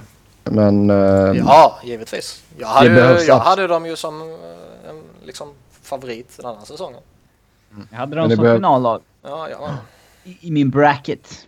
Mm, många brackets som gick åt skogen där. Men, eh, nej, men som sagt, som du sa där Niklas, man tar in de spelarna man gör så eh, mm, då, Då är, kanske man då, inte förtjänar att gå nej, då, långt är, helt då, är, enkelt. då är det verkligen skoj att se att du misslyckas. När du gör så dumma saker. Ja. Ja. Att de har missat men- slutspelet i fjol och nu åker de ut i första rundan. Boston har missat två år i rad. Det är många powerhouses som börjar vackla. Mm. Chicago trasas förhoppningsvis sönder nu. ja, Ja, vi får se. Vi, vi kommer snart till den matchupen, men först så tar vi Anaheim mot Nashville och vi ska fortfarande spela en Game 7 där idag, eller i natt. Ehm, som sagt, lite konstigt att andra rundan i öst drar igång för, före första rundan i över i väst, men det är vad det är. Ehm, ja, nu kanske den här serien är över när ni lyssnar på detta, men vi, vi ska väl uh, ge våra prediction här. Vilket lag tror ni går vidare? Vi börjar med Robin. Eh, jag har ju tippat Anaheim före. Mm. Eh, jag skulle Du får tippa lov att ändra dig. Alltså jag har inte sett så mycket av den här serien så att jag kan liksom ändra mig av den anledningen att något lag har sett hetare ut än den andra. Men... Eh, nej, vi står fast vid Anaheim. De är ett bättre lag i grunden. Niklas, är du att hålla med? Ja, jag har väl inte så värst mycket annat att säga än vad han sa där. Men det är en match. Klart det kan gå hur som helst. Ja, Nashville det- kan, vinna, det- kan vinna med 5-0 också. Det är, Det, det är väl jätteöppet och det är väl typ 50-50 eller någonting. Men eh, någonstans så tycker jag väl också som Robin säger att i grunden är dags ett bättre lag. Då eh, håller jag med er där. Så kör vi Anaheim helt enkelt. Och då skulle de gå upp emot San Jose. Så då får vi ett till California-derby. Um, så stekhet rivalitet. får vi se ifall det kan bli någon rivalitet mellan de två lagen. Nej. Dallas, Dallas, Minnesota. 4-2 i matcher till Dallas. Ehm, så fort, ja, det tog inte många sekunder eller minuter efter Minnesota rök som det kom fram att Devin Dubnyk ska ha spelat skadad. Ehm, handskada på plockhanden var det va? Alltså Mm, det är han, liksom... handskada det, var det men jag minns inte vilken hand. Mm. Jag tror det var på plockhanden. Alltså alla beatwriters favoritdag på året är ju när de får twittra ut vad deras Ja, älskade killar i laget har spelat med för skador. det är klart. Då sitter de verkligen med ståfräs när de twittrar ut det där. Men de, de, han är ju... Det var väl Russo som fick ut den ganska tidigt och det... Ja, de har ju haft hade, information. den hade han ju bara- ladd, ja, ja, den hade han ju laddat sen serien drog igång. Ja, de har ju suttit med listan på alla skador som de bara ska bomba ut när de åker ut. Ska vi se. Blocker side var det. Blocker side var det. Nej men alltså det är klart en handskada på en målvakt är ju, påverkar ju jättemycket. Mm. Och Jo. jag menar i slutändan var det ju pyttesmå marginaler som gjorde att de åkte och eh, det var kanske den skadan som var eh, anledningen till att de åkte helt enkelt liksom. Mm. Hur, eh, vad behöver Minnesota hitta på nu under sommaren då? Eh, det är ju några spelare som det störas om. Matt Dunby, Jason Zucker, Kemper. Kanske till och med Jonas Brodin och Marco Scandella. Och sen Thomas Vanek. Ska man köpa ut honom? Nja, köpa ut. Det var... Jag tror inte man kommer köpa ut Thomas Warneck. Det, det känns liksom... Äh, vad fan, låt, låt han köra sista året och se vad som händer liksom. Mm. Uh, de andra är väl mer intressanta så sett. Liksom. Jag tror ju att en sån som Jason Zucker kan ge någon form av vettigt utbyte. Liksom. Uh, han gjorde ändå 21 baljer förra säsongen. Och han är en rätt intressant spelare. Sen, sen han, jag, jag tror inte han är riktigt på det sättet. Men jag tror det är en, liksom en sån där nyttig spelare du kan slänga runt lite i din middle six typ. Mm. Eh, vad var det mer? Liksom Scandella och Damba och Brodin. Brodin är väl den som jag skulle hålla högst såklart med tanke på att ja, Yngst. Ja, det är han ju i sig inte. Damba är ju yngre. Men, Jaha, för, men, men, ja, mest för att han är eh, liksom den med störst potential av de unga. Liksom. Damba har väl inte riktigt lyft på det sättet som liksom, hans rykte gjorde gällande när han kom upp och sådär. Mm. Eh, så det är Har svårt. inte Brodin heller om man ska vara ärlig. Nej, det har han inte, men jag tror fortfarande det finns ett eh, större hopp om honom än kanske Damba. Mm. Mm. Och Dallas då? Hur tycker ni Dallas har sett ut? Exakt som väntat. Jamie Benn varit bra. Ja, alla stars firing on all cylinders och målvaktsspelet skakigt som fan. Ja. Mm. Eh, däremot så känns det väl som att de kan, kan behöva Tyler Seguin mot Blues. Jo. Det känns som en påträngande nödvändighet, ja. Finns det någon update på segern? Ingen aning. Nej. Det är de väl inte så värst glada vid att säga under ett slutspel.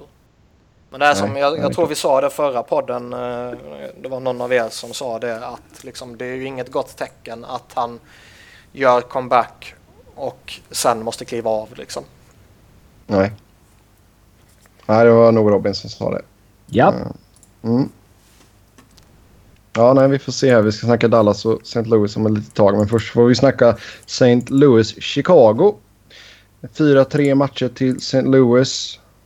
Och eh, börjar med en lyssnarfråga här. Hade Chicago gjort en bättre säsong om Taves och Kane levererat normalt istället för Kanes superproduktion och Taves produktionsdipp? En, Alltså på, den totala poängen skulle väl kanske blivit eh, detsamma, typ. detsamma om man slår ihop det. här. Så det vet jag inte. Mm. Alltså, Ta- har, har, du, har du poängligavinnaren så är ju inte det direkt något negativt. Liksom. Nej. Uh, Taves inte så klatschig. Ja, Taves levererade ju faktiskt inte särskilt mycket mindre än han gjort tidigare heller. 10 poäng mindre än vanligt, typ. Mm.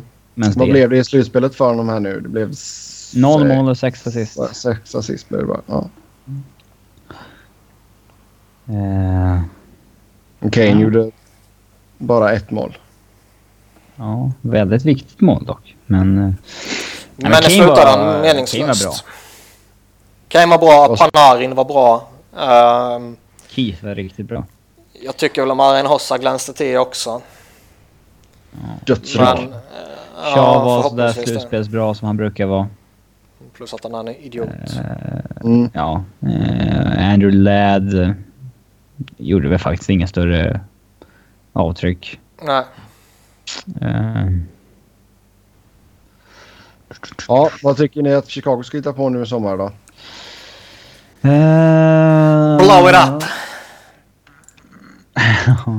Nej, det tycker jag inte. De, har, de kommer väl göra som vanligt. De kommer behålla sin core. Eh, de kommer förmodligen, gissar jag, släppa typ Andrew Ladd liksom. Och eh, Dale Wise och så här. Och eh, kommer väl kanske förmodligen behöva trada iväg något kontrakt också. De kanske måste offra en Andrew Shaw eller något sånt här.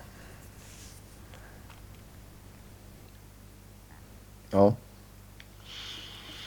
Mm, ja, vi får... Om de inte lyckas skaka fram någon jävla mirakel och någon tradar till sig Brian Bickle liksom. Det skulle ju lösa en del. Han har, han har Det ett skulle år nästan vara värt att betala honom för att ta det om det är det som krävs. Mm. Slänga med ett pick. Annars tror jag inte de ska göra, alltså det, det är inte så att bara för att de åkte nu mot ett St. Louis som är jävligt bra så det är inte så att de ska skaka om laget och göra något stort liksom. Jag vidhåller ju fortfarande att liksom Men vi kan ju kunna åka mot Blues hårt innan liksom. Ja, Fan. sen vidhåller jag ju fortfarande att liksom Toews och, och Seabrook de är på nedgång och Marian Hossa han börjar bli gammal på riktigt och man börjar se det. Eh, så det kanske är så liksom att ja, Toews han har passerat sin prime och hela laget kanske har passerat sin prime liksom. Men bara för det så är det ju inte ett dåligt lag och bara för det så ska man ju liksom inte skaka om laget. Nej. De skulle kunna vinna nästa år. Ja, Inga utan tvekan. konstigheter. Mm. Ja, vad imponerades ni av när det kom till St. Louis då? Ehm, Jare Lehtara, han är på riktigt.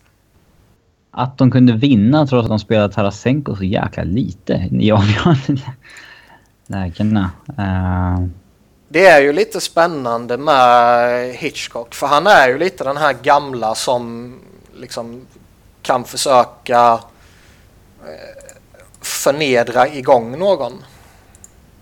mm. Alltså man såg ju lite där när det, det blev lite Men behöver uppmärksammat Tarasenko med- komma igång mer? än vad han- Nej, det, det tycker inte jag han behöver. Men det kan ju, alltså, vad vet jag, han kanske inte har följt deras liksom, taktik och system fullt ut liksom och då blir Hitchcock förbannad på honom trots att han har gjort mål för dem och varit duktig. Uh, och då någonstans så liksom ska han vet, skicka ett budskap och så gör man på det sättet. Det är ju lite den skolan Ken Hitchcock kommer ifrån. Ja. Mm, vi ska ta en titt tillbaka i backspegeln här och ett tillägg som vi fick här av Niklas sent här. Hur tror ni att Ottawa och St. Louis hade sett ut om de inte tradeat rundblad mot Tarasenko? Typ, All the way back 2010. Ja, alltså det är väl klart Ottawa skulle eh, vara slagkraftiga med Tarasenko i laget. Om man liksom sätter honom där istället. Eh, På samma sätt som de på, kan vara slagkraftiga med Erik Karlsson liksom. Men jag ser ju fortfarande att laget i övrigt är liksom det stora problemet och inte om de har Karlsson eller Tarasenko.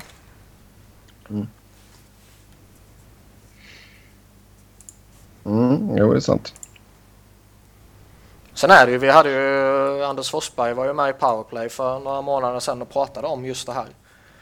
Där de hade fått jättetydliga instruktioner, han var ju scout för Ottawa då liksom, han hade fått jättetydliga instruktioner om att vi ska inte plocka några ryssar överhuvudtaget liksom. De var trötta på det. Och det var lite med det här KHL och, och man visste inte riktigt vad de skulle göra och sådana saker.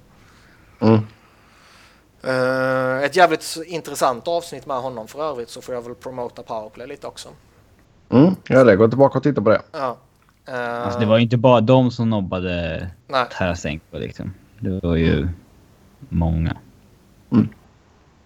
Mm.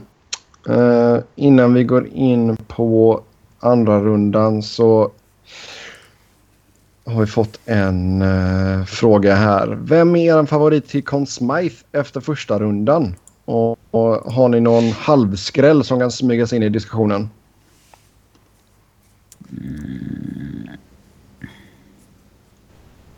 Alltså är det, är det tråkigt att säga Jamie Benn? Ja, det är tråkigt. Ja, det är det.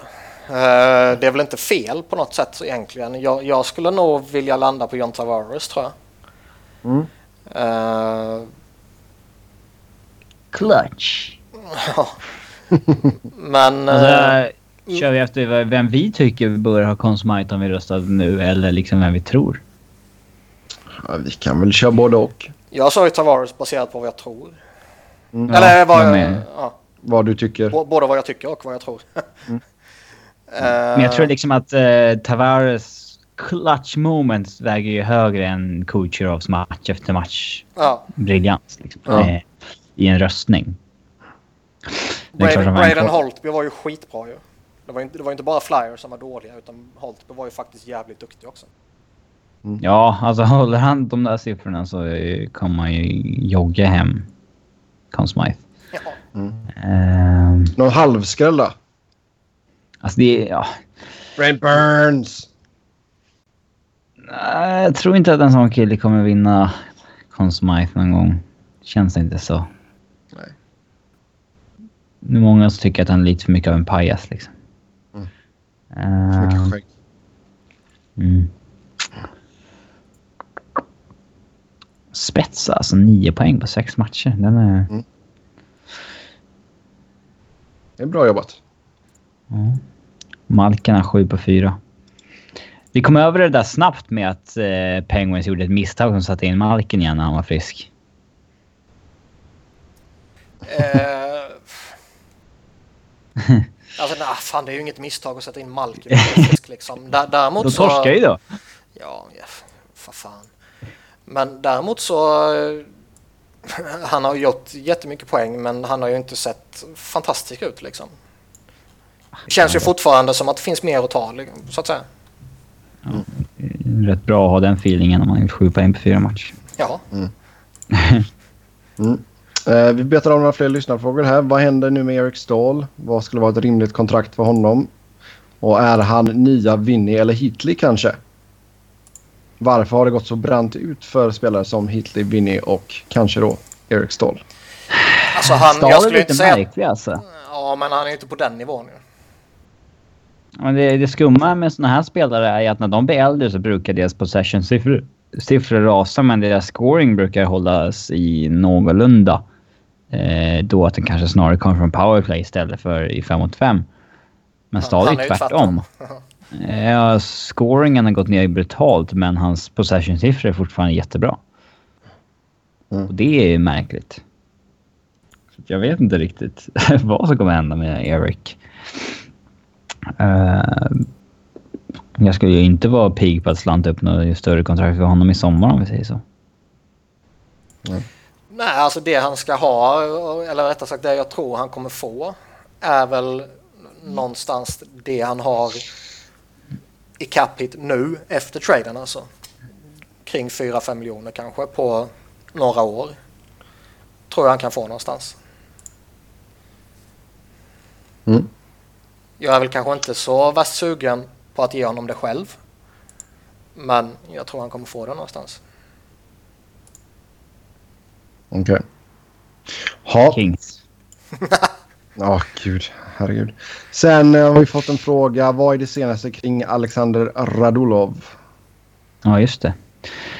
Det senaste är väl att ryska förbundet lackar på att han inte dykt upp på någon camp där inför VM och att han istället är i New York med sin agent för att förhandla fram någon NHL-deal.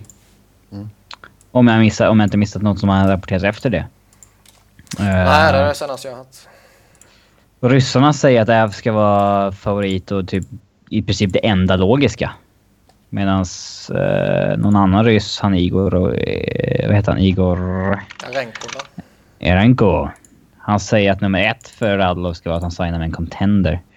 Eh, och nummer två, familjecomfort. Mm, Pengar är inte den största faktorn. Eh,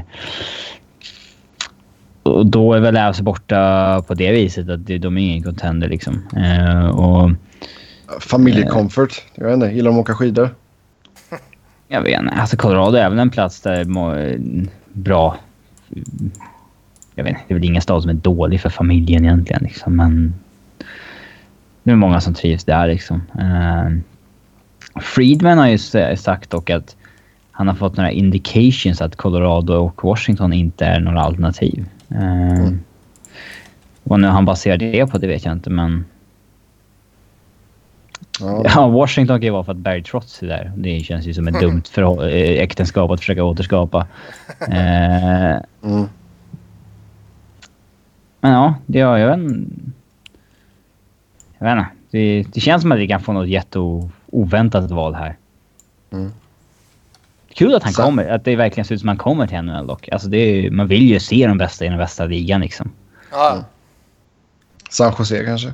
Det vore kul om han... Alltså, jag tror han skulle kunna gå in och vara topp 10 poängligan liksom i rätt, i rätt lag. Eh, Det är inga problem. ja det är klart. Mm. Vi får se ifall han kommer över och vart han landar i så fall. Och sen, vilken är drömfinallagen ur en tittares synvinkel? Pittsburgh. Pittsburgh mot Dallas. Mm, ja, det hade varit kul. Ja, Blir det åka av? Dallas, High Washington, scoring Washington, final. Washington, Dallas också. Dallas är roligast om man bara tar underhålls sådär liksom i western tycker Mm. jag. Och sen är det väl eh, öppet mellan Caps eller Pens. Egentligen skulle man vilja ha Caps och Pens i konferensfinalen och inte i konferenssemin. Mm. Men... ehm, Japp. Ja, det håller vi med om. Och vi kan väl hoppa in på andra rundan där och börja med den matchupen. Mm. Um, Ovechkin mot Crosby såklart. Det är ju den stora storylinen. Um, Återskapa den grejen. Det var ett tag sedan. mm, det är väl... Uh, vad är det andra gången? Nej, vad fan. Hur många gånger har de mötts? Jag vet inte. Nej, ingen aning. Nej. Det är upp till dig vi ska kunna den på rak arm. Ja. Sorry. För mycket uppstuds på den. Menar du serier eller liksom? Ja, exakt. Slutspelsserie. Ja. Go fucking google it om du är så intresserad Mm. av det.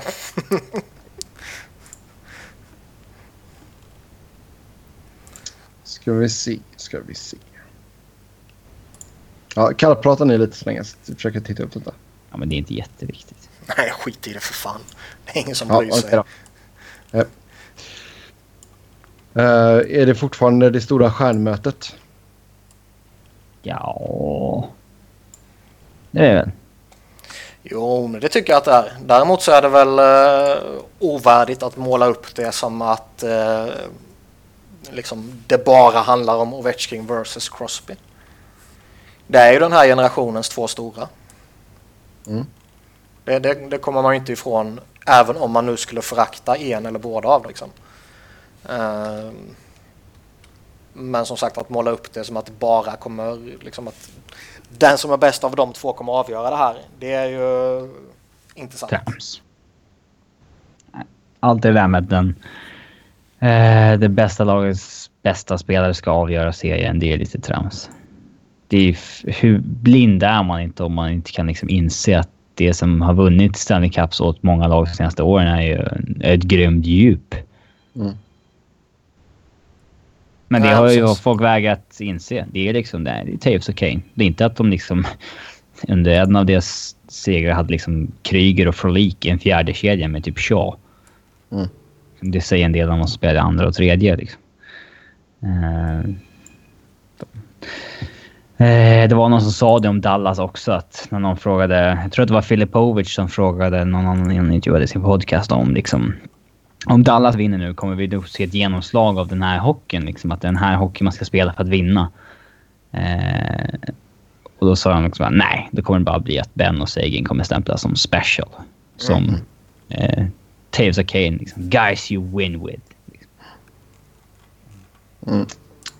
Ja, tydligen är det sju år sedan, sen sist i alla Ja, fall. det var ett tag sedan i alla fall. Mm. Så då har vi det i alla fall. Ha, vi, vilka tror vi går segrande ur denna bataljen då? Det är svårt. Jag, jag det känns verkligen jätteöppet. Jag tror ju någonstans att, liksom, som, som vi var inne på tidigare, om Braden Holtby fortsätter spela som han gjorde mot Flyers så kan ju han avgöra det här. Mm. För jag ser ju inte att Caps kommer sluta göra mål. Liksom. Nej. Eh, jag tippade ju både Washington och Pens vidare och då tippade jag att Pens skulle eh, gå vidare i semin också så att... Stå fast vid det. Jag har ju tippat Pittsburgh som, som slutvinnare så, och liksom, jag har ju ingen anledning att revidera det tippet, eller tipset. Liksom. Nej. Det är tippet. Nej, men att det kan nog bli en sju helvetes serie i alla fall. Det får vi hoppas på. Ja, Sen har den, vi- ku, den kuligaste av eh, de här fyra uh, andra. Kuligaste.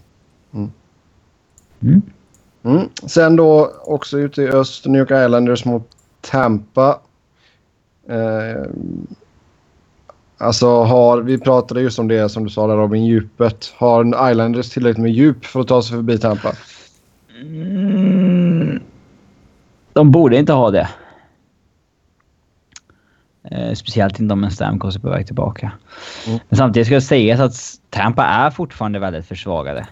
Mm. Eh, av att de inte har Strålman och Stamkos just nu. Eh, att Detroit inte klarade av att rubba dem ändå var snarare, säger snarare mer om Detroit än om Tampa. Tror jag. Mm. Eh, så att... Eh, det, det, det finns väl skrällmöjlighet på så vis. Ett fullt friskt Tampa hade nog städat av Islanders utan problem. Ja, och jag, alltså jag tror ju att ett, fullt, eller ett eh, decimerat Tampa kan göra det också. Eh, Men visst, det kan ju mycket väl gå liksom 6-7 matcher nu. Mm. I slutändan tror jag väl dock att det blir Tampa. Liksom. De, de känns, även om Tavares är jävligt bra nu och de har fått lite andra spelare att prestera bra också. Så tror jag ju ändå att Tampa i grund och botten är ett betydligt bättre lag. Även om de saknar Stamkos och eh, Strålman. Mm. Ja, och sen som sagt om spelare kliver upp så som Kucherov har gjort så... Mm. Nej, Tampa får eh, definitivt bära favoritskapet där i alla fall. Över till Western. Och Dallas St. Louis. Um, St. Louis hård serie där mot Chicago. Dallas lite enklare väg mot Minnesota.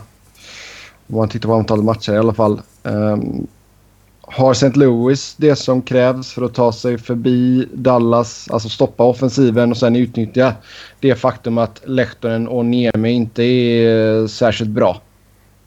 Kan de ta sig förbi Chicago kan de ta sig förbi Dallas. Mm.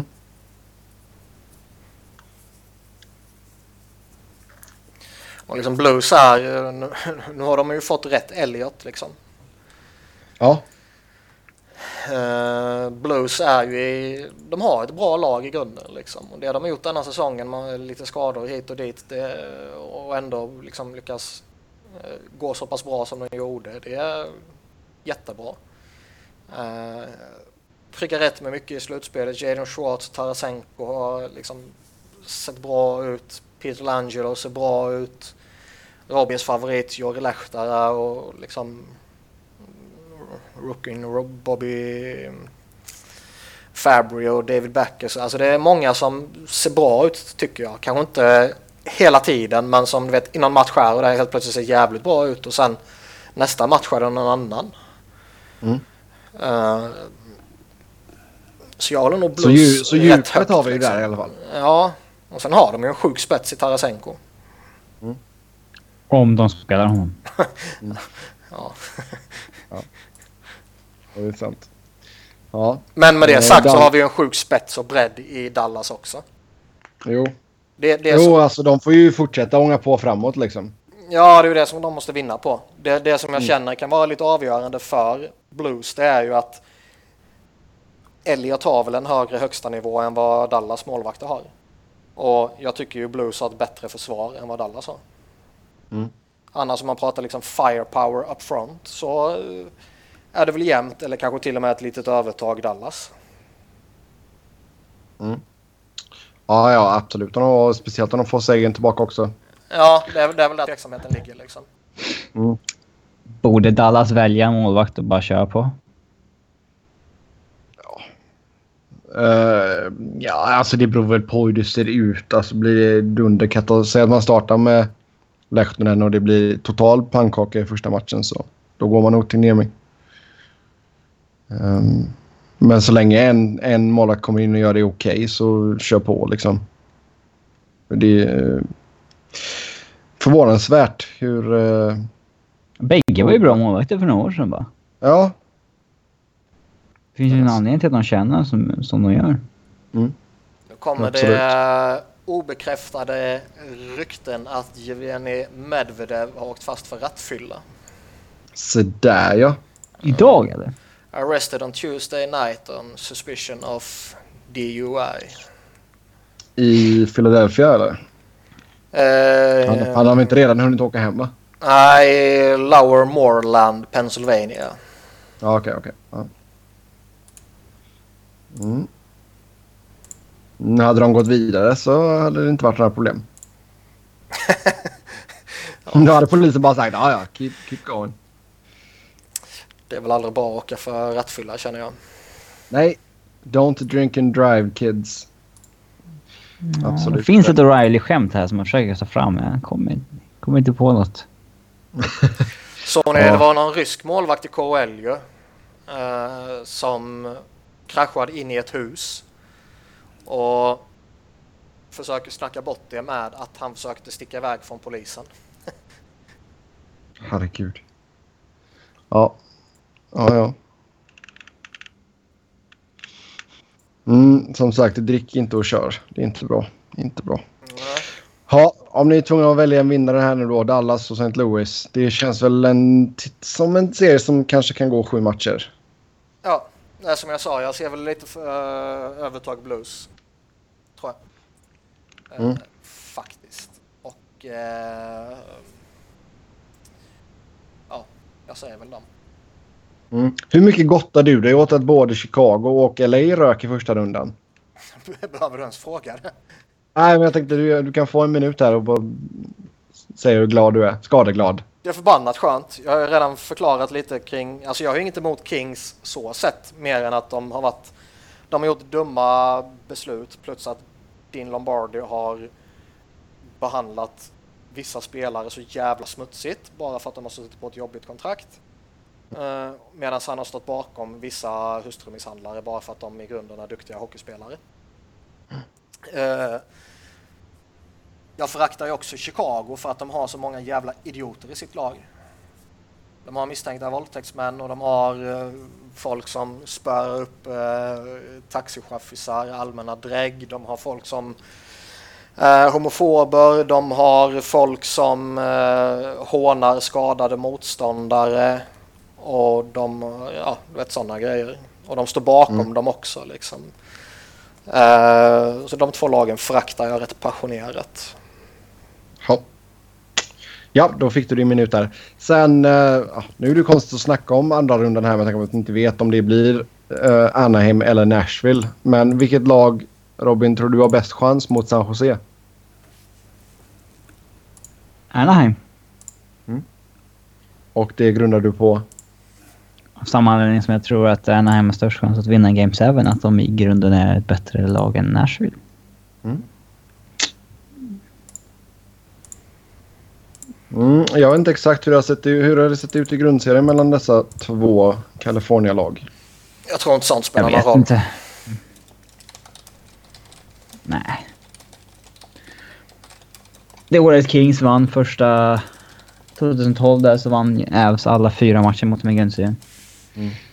Trams. Det är bara... Ja, det är definitivt två lag som känner till varandra väl i alla fall. Det kan man lugnt säga. Eh, om det skulle vara Nashville då som går vidare, Niklas. Hur, ehm, hur tror du att det skulle gå? Alltså jag håller väl med Robin där. Jag tror Dax har bättre chanser mest för att jag tror att i grunden är det bättre laget. Eh, Så då skulle det väl rent naturligt bli en lite öppnare matchserie om det blir Nashville istället. Mm. Eh, Blir det Nashville San Jose så känner jag nog faktiskt att det är rätt öppet.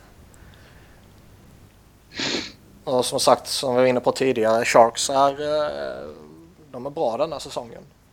Mm. De har ett bättre lag än tidigare och eh, Joe Thornton ser ju sjukt duktigt ut ju. Ja, nej, o- alltså, oavsett vilket lag man tar sig an så tror jag ändå så att San Jose har bra med självförtroende efter sättet man skickade ut Kings på. Och vem vet, det kan bära dem hela vägen till konferensfinal. Ja, det är klart. Det skulle inte vara chockerande på något sätt om de vinner mot vare sig Nashville eller Anaheim. Nej. Eh, Men sen kan det nog ta stopp emot vinnaren av St. Louis och Dallas. alltså grejen är att det... Det enda laget som jag skulle se som eh, väldigt anmärkningsvärt av de kvarvarande lagen om man pratar en finalplats Mm. så är det Islanders. Mm. Övriga lagen tycker jag det vore liksom fullt legitimt att man kan liksom, nej de förtjänar att vara i final. Ja, det, nu- ja, ja, men-. Ja, de är i grunden ett bra lag också. Och nu, nu är det inte så att jag menar att skulle Islanders ta sig final att de inte skulle förtjäna det. Det är inte det jag menar. Utan mer, mer, mer att det, det skulle vara jävligt anmärkningsvärt. Det skulle inte vara på riktigt. Nej. Mm. Eh, det. Islanders mot Nashville i final så vi får två wildkort. Ja, det är ju knappt man skulle titta på den finalen. Shea Weber, äntligen. Mm. Något annat vi vill tillägga? Um, Eller mår vi bra där? Nej, vi mår bra. Svårt att hitta vilket lag man ska hålla på nu känner jag. Sharks. Ja, det är, jag lutar åt Shark eller Dallas.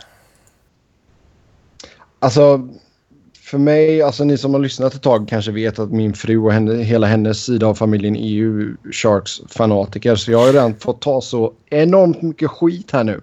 Ehm, så de hade ju säkert blivit helt, alltså Niklas nivå odrägliga ifall de skulle gå och vinna. Ehm, Join the bandwagon. Då. fast samtidigt så, ehm, If you can't beat them, join them. man vill ju inte att Anaheim ska vinna. Ehm, Nej, jag får nog hoppa på St. Louis bandwagon där och sen att Hitchcock vinner och sen säger adios och visar upp långfingret. Grejen är att jag, när jag letar efter vilket lag jag ska joina nu så går jag ju bara på om de har någon spelare som jag föraktar eller inte liksom. Och jag var ju så jävla inne på blues för jag gillar verkligen det här blueslaget och ja, var typ inne på deras bandwagon. Fram till jag blev påminn att de har ju för fan Steve Ott ju. Han har man gått och glömt bort nu när han var skadad så länge. Jo. Så man kan ju inte supporta blues, det är ju big no-no. Man kan ju inte supporta Nashville på grund av James Neal liksom. Ehm, Dallas är, Sharks då? Dallas är rätt roliga. Sharks eh, har jag inget emot. Plus att det skulle vara lite skoj om Joe Thornton typ vinner Conn Smythe eller något sånt där. Ehm, Anaheim tycker jag Bob Murray har, liksom, han har gjort så konstiga grejer så man, man kan inte supporta dem liksom. Uh, jag Vilka ge- håller på mellan Caps och Pens då? Eh, ja. Det är ju sån här win-win. Ett av lagen kommer krascha liksom. Eh, man, och Lose, liksom, lose. Något av dem går vidare. ja. Men sen är det liksom den här naturliga rivaliteten så kan man ju inte supporta vare sig Islanders, Caps eller Penguins.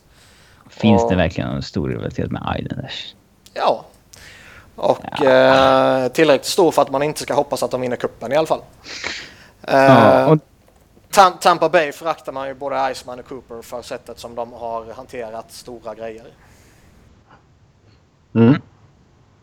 ja, Ja. ja, så det blir Sharks för dig då. Eller Dallas. Jag har inte bestämt Mm. mig. på vilken som går vidare. Ja.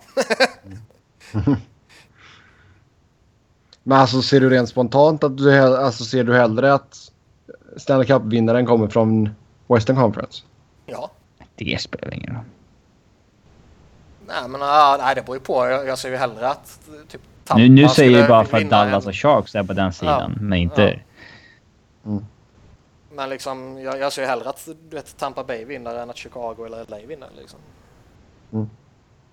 Mm. Robin, vilket lag sa du att du kommer försöka följa lite extra här nu och heja lite på? Ovechkin, Thornton och Boudreau. Ja, just det. Du håller på spelare, så var det ja. Mm. Om Kryger Ja. inte kan få en tredje cup så blir det dem. Ja, ex ja exakt, exakt. Ehm, vi håller på 2009 års redraft. Um, vi är redan uppe i nästan två timmar här va? Ja, Så med det så säger vi tack och hej då Och lite den här mer gången. kött på benen också om att uh, redrafta den. En veckas mer Mm. sample size. Grotta ner oss ordentligt. Mm. Så jag, jag hinner spela en vecka till. jag kom på nu när jag var på väg att stänga ner körschemat att jag fuckade ju upp Ottawa St. Louis-diskussionen rätt jävla saftigt för att jag satt och jobbade samtidigt. Ja. Jag började ju prata om Erik Karlsson. Mm. När då?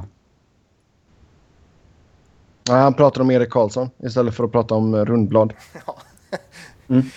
Jag sitter och jobbar som tjänstgörande samtidigt så var det därför jag kukade ur när jag eh, satt och jobbade med det och började prata samtidigt. Så lyssnade jag inte så noga och så tänkte jag inte så noga och så började jag bara prata. Mm. Eh, skulle de ha både Erik Karlsson och Tarasenko så skulle de ju givetvis vara bättre. Bra. Ja, ja. Jag, eh, jag, jag min hjärna kopplade som att antingen Karlsson eller Tarasenko. Ja, nej, nej. Tillsammans så hade de nog kunnat gjort det riktigt bra och kanske till och med kunnat göra så att Ottawa kunde locka till sig några bättre spelare också. Eh, vem vet, vem vet. Ja, typ. Sen är de ju bakbundna av intern budget och allt sånt där också. Det har vi pratat om förr. Ja. Eh, och eh, ja, Rundblad har inte riktigt fått det där genombrottet. Nej. Men, eh, Ser inte ja. ut att hända heller. Nej. Nej, vi får se vad som händer med honom i sommar också faktiskt. Uh, med det så tack och hej. Följ oss på Twitter. Mig hittar ni på Sebbe Noren, Niklas på Niklas Wiberg, Niklas med C och enkel-V och Robin hittar ni på R underscore Fredriksson och han har även en mat-Instagram. Så ja, följ den så hörs vi igen eh, snart. Tills dess, ha det gött. Hej då.